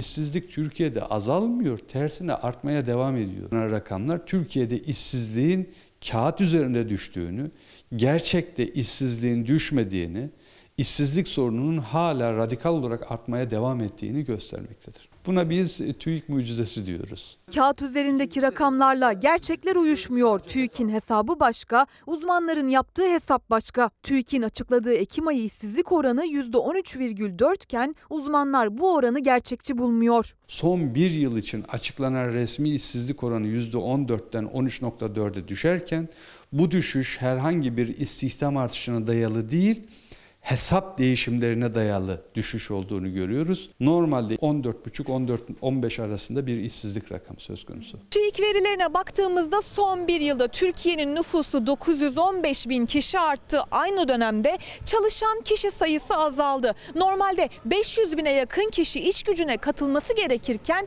sadece 82 binde kaldı. İşsizlik rakamlarının artmış olması gerekiyordu ancak aynı veriler işsizlik rakamlarının düştüğünü gösteriyor. İşte bu yüzden TÜİK'in hesaplamaları kafaları karıştırıyor. 15 yaşını geçenler iş gücüne katılım oranını belirliyor. 915 bin artışa karşılık TÜİK'e göre çalışmak isteyenlerin sayısı sadece 82 bin kişi arttı. 2018-2019 kıyası gibi 2019'un Ağustos ve Ekim karşılaştırması da benzer. Ne muhteşem oran değil mi? Nüfus artıyor.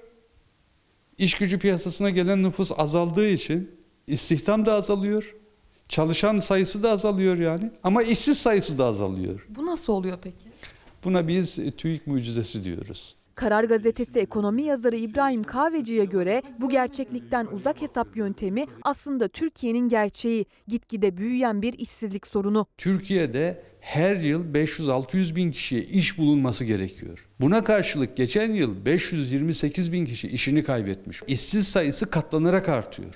Dolayısıyla önümüzdeki dönemde işsizlik sorununun sosyal boyutları bizde çok daha fazla öne çıkacak. Hayatın gerçekliği bunlar. Sabah hastalarımıza selam söylemiştim. Bir selam da şu anda hayırlı işler dileyerek esnafımıza olsun efendim. Esnaf kardeşimizi selamlıyorum. Şimdi iki mesaj var alt alta. Biri Instagram, biri de Twitter'dan okuyacağım sizlere. Gaziantep'le ilgili başka mesajlarım olacak onu da söyleyeyim. Enes Göktuğ. Hani olması gereken dedim ya, olması gerekene karışmam. Olmaması gereken İsmail Küçükkaya ve Portakal'dır diyor. Bizim olmadığımız bir dünya hayali kuruyor Enes Göktuğ. Ya yüzlerce gazeteci var hükümeti destekliyor. İki gazeteci de tarafsız görev yapsın. Enes, Enes Göktuğ. İzel de diyor ki annem sabahtan beri ısrar ediyor. Yazsana kızım İsmail'i sevdiğimizi, dua ettiğimizi söylesene diyor. Bakın iki ayrı mesaj. İkisini de şimdi retweetleyeyim de. Ama tabii Enes Göktuğ. Şöyle bakayım tipi mipi neymiş. Neyse şimdi ama onun üstüne de yüklenmenizi de istemiyorum. Diyor ki olması gerekene karışmam da olmaması gereken İsmail Küçükkaya ile Fatih Portakal diyor. Twitter'daki mesajında. Yani ne diyeyim? Allah sabır versin. Milli Gazete. Asgari tek kişilik. Son yapılan araştırmaya göre bir kişinin açlık sınırı 2636 liraya yükselerek asgari ücreti geride bıraktı. Mesela bunu söylememizden mi rahatsız oluyor acaba bu arkadaş Enes? Mesela Fatih ile İsmail olmasa bunu kimseler söylemeyecek mi televizyonlarda? Aslında bunu söylemem eğer Enes mesela böyle milyon milyon dolarları olan bir arkadaşımızsa tamam tuzu kuru diyebilirim. Ama eğer işçiyse, işsizse, emekliyse, EYT'liyse bunları söylememden memnun olması lazım. Benim ve Fatih Portakal'ın. Bunları söylüyoruz diye mi bize gıcık kapıyorlar acaba? Bilmiyorum ki.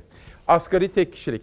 Geçtiğimiz günlerde açıklanan 2324 liralık asgari ücret rakamı üzerindeki tartışmalar devam ederken yapılan son araştırmaya göre 2019'un Aralık ayında 4 kişilik ailenin asgari geçim haddinin 6897 lira 69 kuruşa tek kişinin açlık sınırının 2636 liraya, yoksulluk sınırının 3408 liraya yükseldiği ortaya çıktı denilmekte efendim.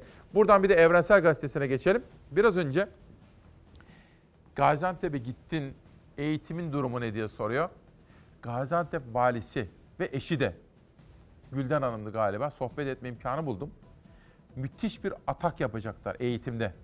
100 yeni okul kuruyorlar. Yerlerine kadar tespit etmişler ama başta Abdülkadir Konukoğlu olmak üzere oradaki hayırseverler de devreye giriyorlar efendim. Eğitim konusu sorulmuştu bana. Ben bunları takip edeceğim onu da söyleyelim. Evrensel Rize şekerinin tadı kaçtı. Cumhurbaşkanı Erdoğan'ın Rize şekeri adını verdiği stevia bitkisinden şeker üretme projesi çöktü. Sayıştay bitki için Rize uygun değil dedi. Çaykur stevia bitkisini Rize'de yaygınlaştırıp şeker üretebilmek için 16 milyonluk 16 milyon liralık fabrika yatırımı yaptı.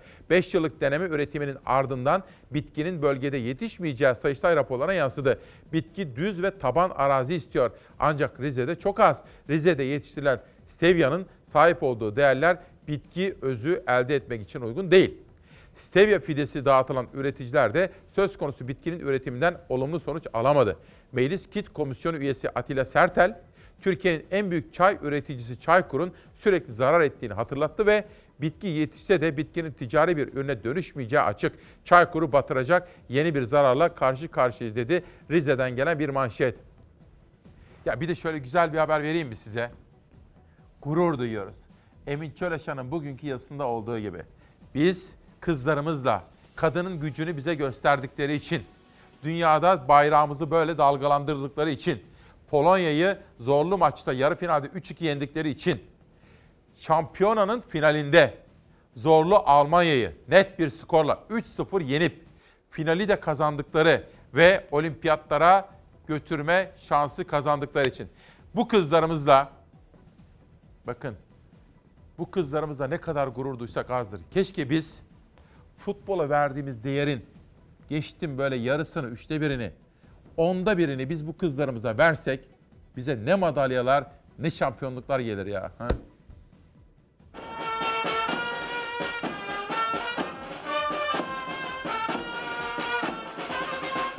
Başardığımız şey çok büyük. Ee, takım sporlarında 2020 Tokyo Olimpiyatlarında kadın voleybol milli takımı olarak ülkemizi temsil etmenin haklı gururunu yaşıyoruz. Ezici bir galibiyetle olimpiyat vizesi aldılar. Yurda dönerken bando takımıyla karşılandılar.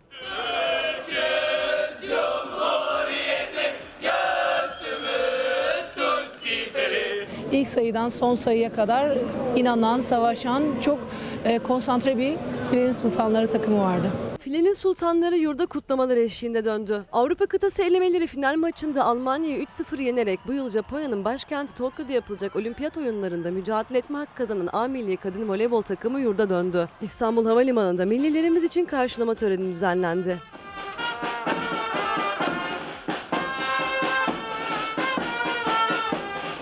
Millilerin müsabakadan kaldıkları otele dönüşü de oldukça coşkuluydu. Otele girerken hep bir ağızdan 10. yıl marşı söyledi Filenin Sultanları. Bütün cep telefonu kameraları kayıttaydı. Coşkulu sevinç oteli sardı.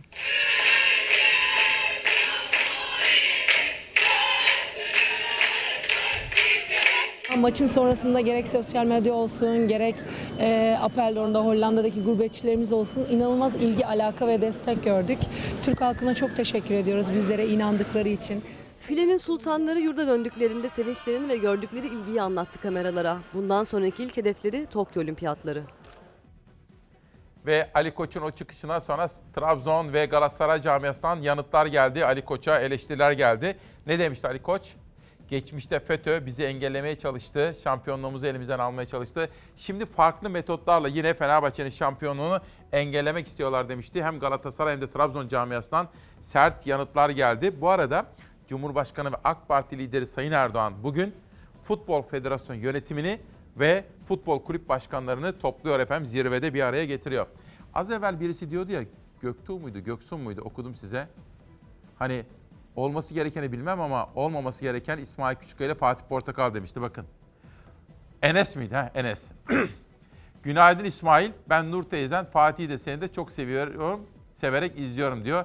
Başta Nur Hanım olmak üzere bütün anneleri ve teyzeleri de buradan sevgi ve saygıyla selamlıyorum.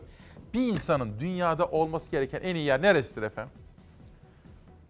Bir insanın dünyada olması gereken en iyi yer, yani olabileceği en iyi yer annelerin, teyzelerin dualarıdır. Olabileceğiniz en iyi yer orasıdır. Ve Sözcü'den bir manşet gelsin. Kanal İstanbul'da arsa alanlar yaşadı. Çünkü Kanal İstanbul'un akıbeti bile belli olmadan arsa fiyatları %20 yükseldi.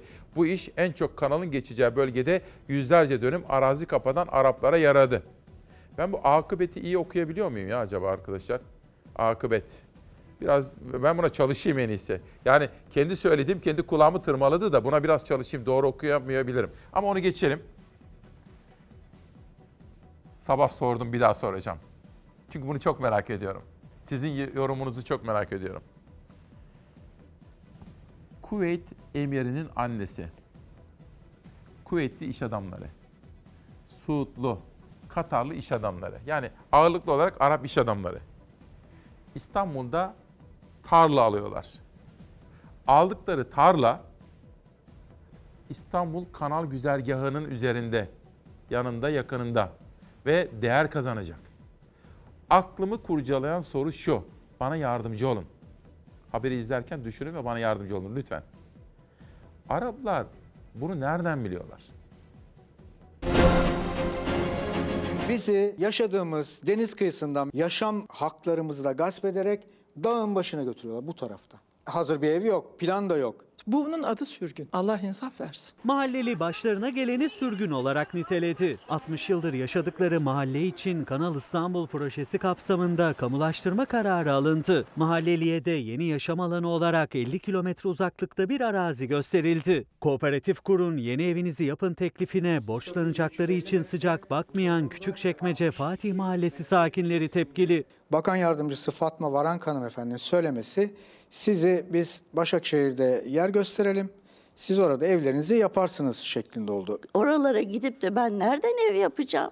Şehrin içinde sessiz, sakin bir mahalle burası. Ama Kanal İstanbul chat raporunun ardından burada yaşayanların huzuru kaçtı. Çünkü büyük bölümü sit alanı olan Fatih Mahallesi proje kapsamında nitelikli koruma alanı oldu bir anda. Tapular, kazanılan haklar yok hükmünde artık. Mahalle konteyner limanı olarak belirlendi projeye göre. Fatih Mahallesi Marmara Denizi ile Küçükçekmece Gölü'nün kesiştiği noktada yani Kanal İstanbul projesinin başladığı yerde bulunuyor. Bu nedenle çok önemli. ÇED raporunda da bu mahalle nitelikli sit alanı olarak ilan edildi. Yani 3000 kişinin yaşadığı 750 hane kağıt üzerinde yok sayıldı. Bizi yok sayıyorlar. Siz burada yoksunuz diyorlar. Hele ki şu anda burası nitelikli sit alanı yapıldı. Tapularımız dahi yok. Şu anda biz arsa konumundayız ve buradan gidin diyorlar. İddiaya göre Çevre ve Şehircilik Bakanlığı talep etmelerine rağmen mahalleliye kanal güzergahından değil daha uzak bir bölgede araziye adres gösterdi. Araplara satış yaptıkları yerler yok mu? Ee, biz diyoruz ki madem burada boğaz yapıyorsunuz, orada da yeni şehir kuruyorsunuz, buradaki haklarımızı oraya taşıyın, bizden de 5 kuruş para almayın. Ne dediler? E, tabii ki olmaz dediler, ne diyecekler yani? Yok olacak mahalle müstakil ve bahçeli evlerden oluşuyor. Mahallelinin çoğu da yaklaşık 60 yıldır bu evlerde oturuyor. Şimdi Kanal İstanbul projesi nedeniyle yıllarca yaşadıkları bu evlerden 50 kilometre uzağa Başakşehir'e gitme durumuyla karşı karşıyalar. İç Dış Kumsalı Koruma Derneği Başkanı Türker Taşdöğen ise farklı bir iddia daha dile getirdi. Yine belgelere dayanarak. Bizi gönderdikten sonra kendi planlarında konut alanı olarak göstermesi birilerinin bizi buradan göndererek yerleştirilmesi anlamına geliyor. Bu konuda bizim hassasiyette takip ettiğimiz temel konulardan bir tanesi. Latife Soysal değerli kardeşim Atatürk Türkiye'si olmasaydı filenin sultanları olur muydu? Atatürk'e saygı ve minnetle. Bu arada iyi ki İsmail Küçükkaya ve Fatih Portakal var. Ben de şuna ekliyorum. Latife Hanım teşekkür ediyorum. İyi ki Türkiye'de bağımsız ve tarafsız bir kanal var. Fox. Tabii tarafsızlık deyince yanlış anlıyorlar. Tarafsızlık her konuda olduğu gibi nötr öyle değil. Tarafsızlık halkının yanında. Halkının, halkın çıkarını koruyan. Bu arada bir arkadaşım İran'la ilgili bir soru sormuş. Osman. Dün Kezban Hatemi hocam da yazmıştı. Ben bir yorum yapmıştım. Nükleer silahsızlanma herkes için geçerli olmalı. Yalnızca İran için değil. Amerika için, İsrail için. Orta Doğu barışının en büyük risklerinden birisi haline geldi İsrail. O Yahudi yerleşimleriyle ilgili almış olduğu kararlar, hele şimdi Trump döneminde de İsrail'i çok destekliyorlar. Kezban Hatemi hocam haklı hiç kimse Amerika dahil hiçbir emperyalist güce dünyanın polisliği, bekçiliği görevi kimse tarafından verilmedi. Ve bizlere düşen de biz halklara İran olsun, Türkiye olsun, Rusya olsun, hangi ülke olursa olsun emperyalistlere karşı tam bağımsız politikaları izlemektir. Mesela Türkiye'nin en önemli önceliği bu olmalıdır diyorum. Katılımı için de Kezban Hocama teşekkür ediyorum. Evrensel'den Pencere Gazetesi'ne geçiyorum. Gökçek dönemine 576 milyon liralık soruşturma.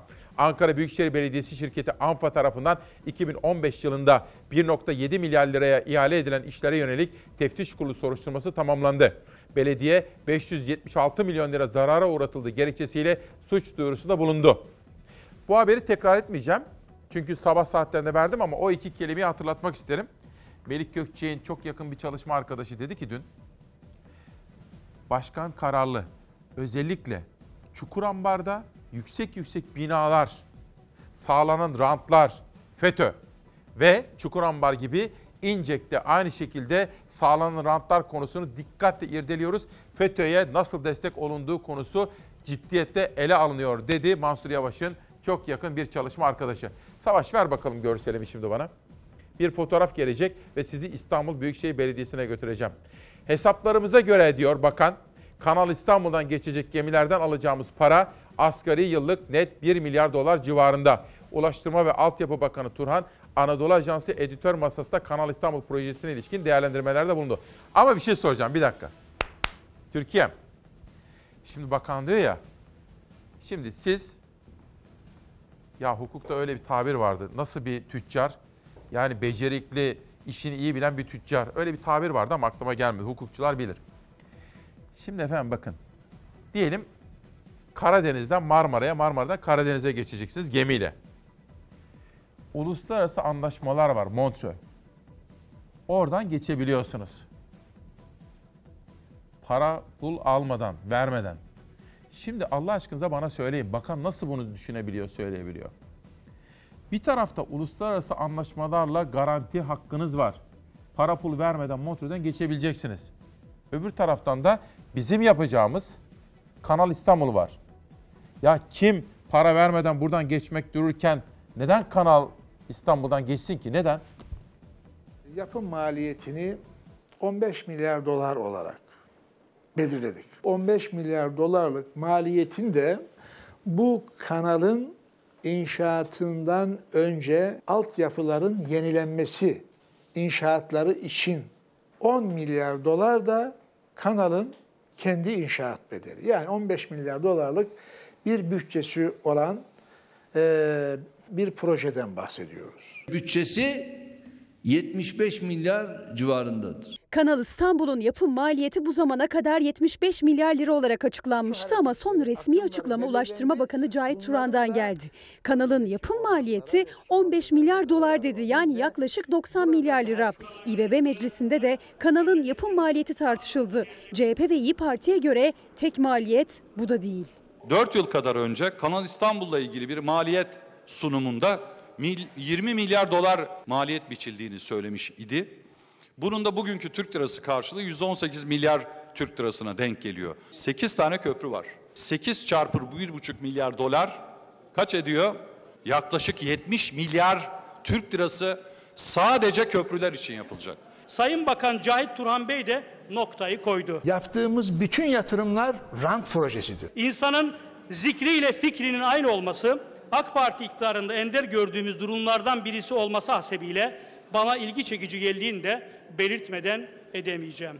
Ancak bu kez Anadolu Ajansı'nın editör masasına konuk olan Ulaştırma Bakanı rant söylemini değiştirdi. Biz projelerimizin fizibilitesinde rentabilitesine bakıyoruz. Buradan rant, gelir elde etme gibi bir niyetle bunu yapmıyoruz.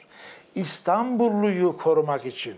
İki gün sonra rant projesi değil diyen bakan bir de kanaldan geçiş hesabı yaptı. Biz 50 bin trafik, 100 bin dolar geçişten aldığımız zaman 5 milyar dolar yıllık gelirimiz olacak. Bu rakamlar over rakamlar. Bu rakamlara gelecekte ulaşacağız. Gemiler geçecek. Gemiler kanalın çevresindeki çalılara yünlerini bırakacaklar. O yünleri evdeki hanım alacak, yün kazak örecek. Nasrettin Hoca fıkrası gibi. Kanal İstanbul depremi tetikleyen değil, deprem için tedbir projesidir. AK Parti ve MHP Kanal İstanbul Çalıştay'ına davetli olmalarına rağmen katılmamıştı. Çalıştay'da tüm siyasi partilerce tartışılamayan proje Ocak ayının ilk meclisinde tartışma konusu oldu. Çalıştay bana gelsin. Ben niye Çalıştay'a gideyim?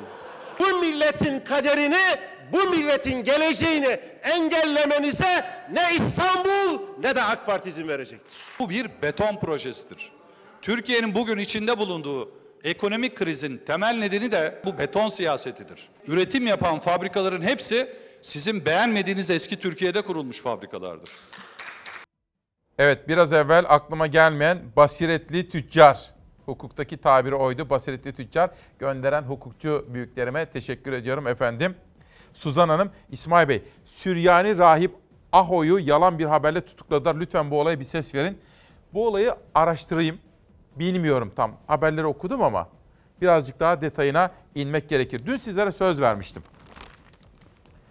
Çok eleştirmiştim. Ataşehir Belediye Başkanı Battal İlgezdi, onun milletvekili olan eşi. Gamze miydi? Gamze İlgezdi mi? Gamze. Gamze Akkuş İlgezdi. İddiaya göre kuaföre gidiyor ve orada bir tatsızlık yaşanıyor. Bir kadınla bir müşteriyle manikür sırası kuaförde. Sen önceydin, ben önceydim, randevu benimdi, senindi filan diye. İddia o ki Gamze Hanım bu olaya çok kızıyor. O kuaförden mutsuz ayrılıyor. Eşine söylüyor ve eşi bir bahaneyle o kuaför salonunun asma katı varmış kaçak onu yıktırıyor. Daha sonra da mühürlüyor orayı. Eleştirmiştim, ağır da eleştirmiştim. Sevilay Yılmaz'ın yazısı üzerinden de yorumlamıştım. Dün beni yayından sonra aradı. İsmail Bey dedi, Battal İlgezdi, Ataşehir Belediye Başkanı. Eleştirdiniz, saygı duyuyorum ama dedi, biz öyle insanlar mıyız? Bilemem dedim. Doğru mu dedim. Doğru değil dedi. Kendince anlattı olayı. Hiçbir şekilde kendisinin veya eşinin bir manikür kavgasından sonra bu olaylara adının karışmasından memnun olmadığını, Ve bu iddiaların doğru olmadığını söyledi. Ama ona şunu sordum. Eşiniz bu, bu kuaföre gidiyor muydu? Evet dedi. Yıllar evvel gidiyordu. 2 yıl önce, 3 yıl önce. Peki böyle bir olay yaşandı mı? Böyle bir olay yaşanmadı dedi. Ama soru soru soru. Sonra şunu anladım. Gerçekten de Gamze Hanım gitmiş kuaföre bir gün. Manikür pedikür yapılırken öbür kadınla da tartışmışlar. Demişler ki hep böyle oluyor. Siz gelince benim sıramı size veriyorlar. Tartışma buymuş. Ama diyor bununla bizim orayı mühürlememiz arasında hiçbir bağlantı yok diyor. Battal il gezdi. Kuaförler diyor birbirini şikayet ederler. Bir kuaför öbürünü şikayet etti diyor. Bilmiyorum. Ben eleştirdim. Ama söz hakkına saygı gereği beni aradığı için de sizlere durumu anlattım. İki cezaevi mektubu. Tabii ki takdir sizin.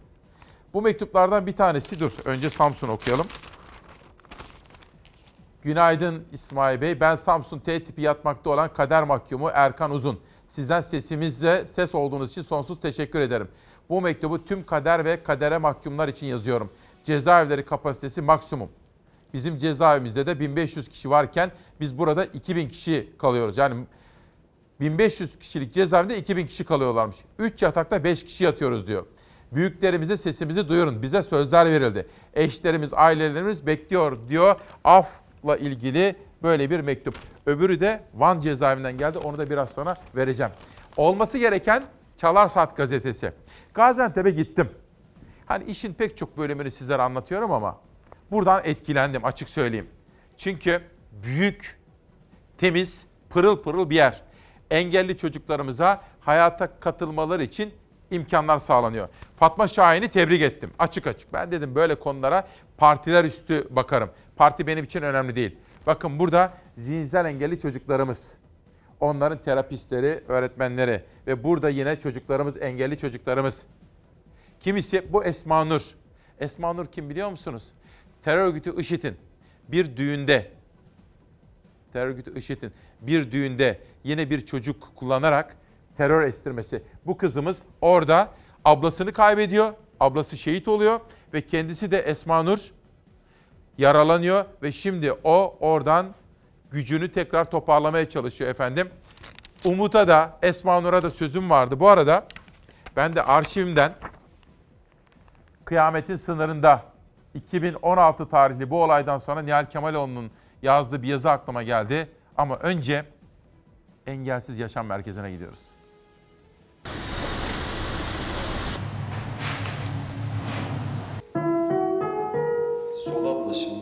Özel çocuklar özel eğitim alıyorlar. İmkanı olmayan aileler çocuklarının ihtiyacı olan desteği ücretsiz bulabiliyor. Gaziler ve ailelerinin de psikososyal destek aldığı bu tesis Gaziantep'in gözbebeği. Gel.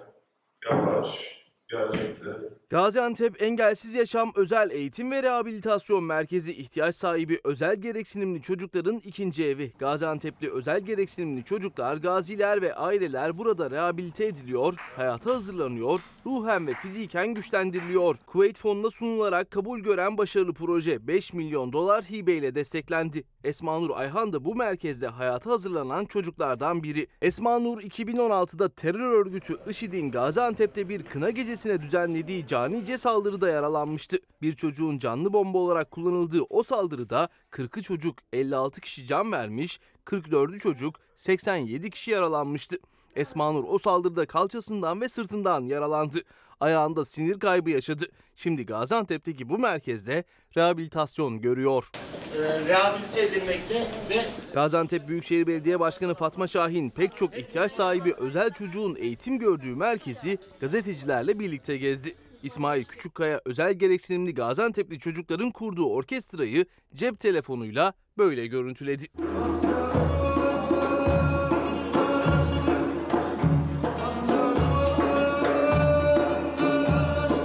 Merkezde özel gereksinimli bireyler topluma uyum sağlayabilen, psikolojik ve fiziksel açıdan kuvvetli birer bireye dönüşüyor. Özel gereksinimlerini burada giderip hayata burada hazırlanıyorlar. Gaziantep'ten haberler böyle. Bu arada bizim Fatma'dan rejiden geldi. Beyaz Ay Derneği mesajınız alınmıştır. Programa bakacağım efendim. Ve bakın Van'daki mektup Van cezaevinden gelmiş. Selamun aleyküm diyor. Aleyküm selam İsmail abi diyor. Umarım iyi ve sağlıklısınızdır. Allah'a şükür. Ben Van ve Van M tipi kapalı cezaevi A16 koğuştan Remzi Özdemir. İsmail abi 32 yıl ceza ile cezalandırıldım. Suçum göçmen kaçakçılığı. İsmail abi ellerinden öper. 4 çocuğum var. 3'ü kız biri olan her 4 çocuğum da öğrenci.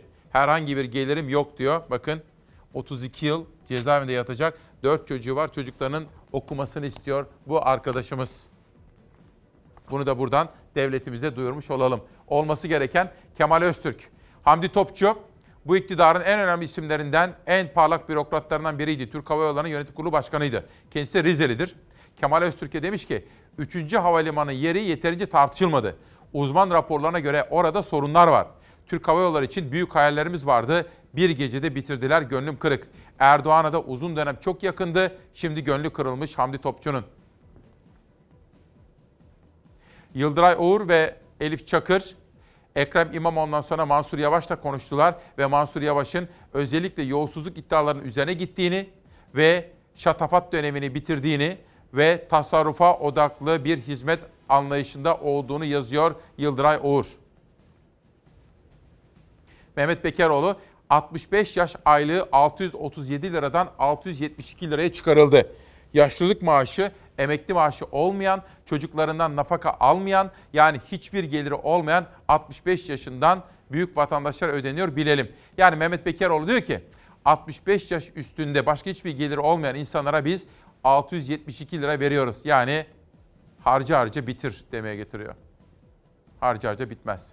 AK Parti'den CHP'nin FETÖ'nün siyasi ayağının araştırılması önerisine red kararı günün manşeti.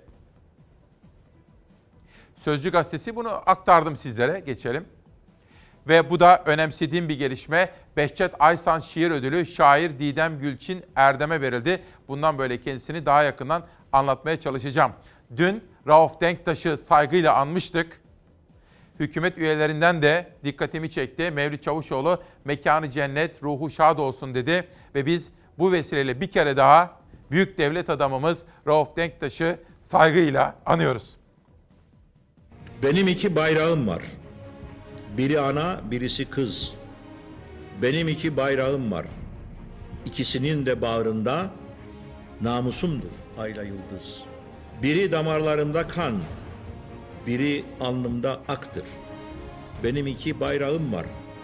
Birisi gönül yarası, biri tükenmeyen aşktır. Biri yüreklerde sabır, biri yaştır kirpiklerde. Benim iki bayrağım var, gölgesi üstüme düşer. Biri Anamur'da grup, biri Girne'de şafaktır. Benim iki bayrağım var. Biri yurdumun tapusu, biri kan bedelim haktır. Biri dudaklarımda dua, biri gözlerde amindir. Benim iki bayrağım var. Biri güneş gibi sıcak, biri ay gibi serindir. Özlem ve saygıyla anıyoruz. Az evvel Esma Nur'dan bahsettim ya bakın. Bir gün gazetesinde 24 Ağustos 2016'da bir yazı. Kıyametin sınırında. Nihal Kemaloğlu 7 Haziran'la 1 Kasım seçim arasını sorguluyor önce. Yazısının devamında emperyal güçlerin Orta Doğu'yu nasıl karıştırdıklarını sistem analizi yaparak anlatıyor. Ve geliyorlar diyor, dünyayı karıştırıyorlar, demokrasi getireceğiz yalanıyla. Emperyalizme karşı bir bilinçlenme yazısı. Sonra cihatçı tehlike, Türkiye'den yeni bir Suriye çıkarma gayreti, cihatçı tehlikenin Türkiye'ye yönelik riskleri, bütün bu konuları irdelemiş yazar Nihal Kemaloğlu ve yazısının sonunda Gaziantep'te o çocukları da kullanarak pek çok çocuğu katleden terör örgütü IŞİD'in eylemlerini irdelemiş. İnternete girip bulabilirsiniz efendim. Bu arada kültür ve sanat dünyasından bir haber vereceğim sizlere. Önemli. Önce kitap tanıtımı. Çiçekli Kadın'dan Dikenli Notlar Güneş Duysar yazmış ve imzalayarak bana yollamış. Aslı Cansız Medusa isimli kitabıyla Çalar Saat'te bu sabah. Nihat Aytürk Protokol Yönetimi. Kitap okumayı çok sevdiğimiz gibi sinemaya gitmeyi de çok seviyoruz. Beyza Gözeyik Oscar'ın adaylarını sizler için derleyip toparladı.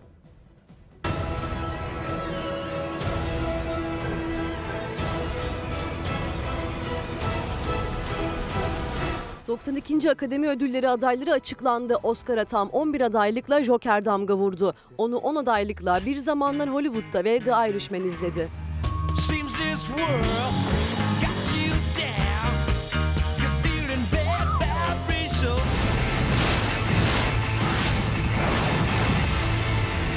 Önceki hafta dağıtılan Altın Küre ödülleri Oscar'ın da habercisi olduğu adaylıklar arasında sürpriz yok. İşte en iyi film dalında Oscar adayları. En iyi kadın oyuncu dalında Marriage Story'daki güçlü performansıyla Scarlett Johansson, efsanevi sanatçı Judy Garland'a hayat veren Renee Zellweger en güçlü iki rakip olarak görülüyor. Belirtmekte fayda var, Altın Küre'yi Renee Zellweger aldı. You don't listen, do you? You just ask the same questions every week. En iyi erkek oyuncu adaylıklarında güçlü performanslar var ama eleştirmenlerin tahmini Altın Küre'yi de kucaklayan Joaquin Phoenix'ten yana.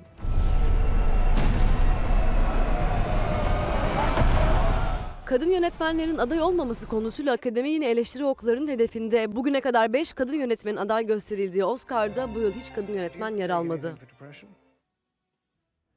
Bu arada efendim hani Zekiye Türker annemizi kaybettik demiştik sabah sizlere. Ve sanatçımız Recep Aktuğ şöyle bir bakın onu dizilerden de tanıyacaksınız. Özellikle Aşk-ı Memnu'daki rolüyle çok tanınmıştı. Değerli bir sanatçı Recep Aktuğ vefat etti 14 Ocak'ta. Bunun da haberini sizlere maalesef vermek durumundayım. Bir de kitap tanıtımları ve günün sürprizini yapacağım şimdi. Kitap arası aşklar Mehmet Seviş böyle bir kitapla yanımızda. Oyuncak Fabrikası Nermin Ferhan Karamuti, Cemre Arslan'ın resimleriyle.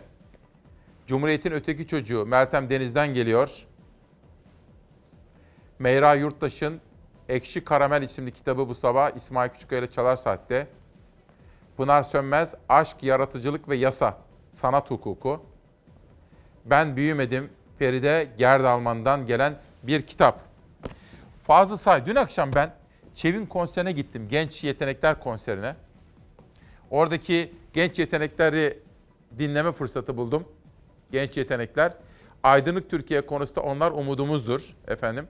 Sanatsız kalmayacağız biz toplum olarak. Ve daha sonra da Fazıl Say'ı ziyarete gittim. Çünkü bu dünya çapındaki sanatçımız bugün yani tam da 14 Ocak'ta çok anlamlı bir günde 50. yaşını kutlamakta efendim. Biz de kendisine, eşine, kızına, sevenlerine, bütün ailesine, sevdiklerine mutlu yıllar diliyoruz.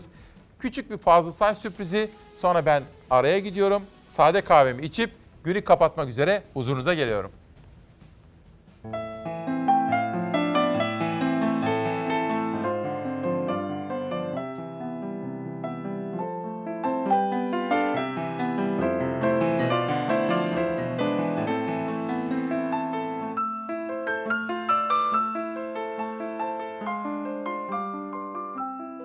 Sabahları uyanınca önce günaydın diyeceğiz. Gerçeklerle konuşmanın ve yüzleşmenin cesareti içinde olacağız. Kaçmayacağız gerçeklerden ama umudumuzu yitirmeyeceğiz. İsmail Küçükkaya ile Çalarsat ailesinin temel felsefesi işte bu. Ve her sabah olması gereken, olması gerekeni konuşacağız. Olması gerekeni tartışacağız ve olması gerekeni seçeceğiz. Çünkü hayat biricik. Hakkını vermemiz gerekiyor. Batuhan Kıran Uyku Aralığı isimli kitabıyla Çalar Saat'te. Torun Ahmet Türkmen Selvi Esintisi şiir kitabı. Hayati Umut Sönmez'in yeni çıkan kitabı. Ve haftanın şairi Tozan Alkan. Geldik.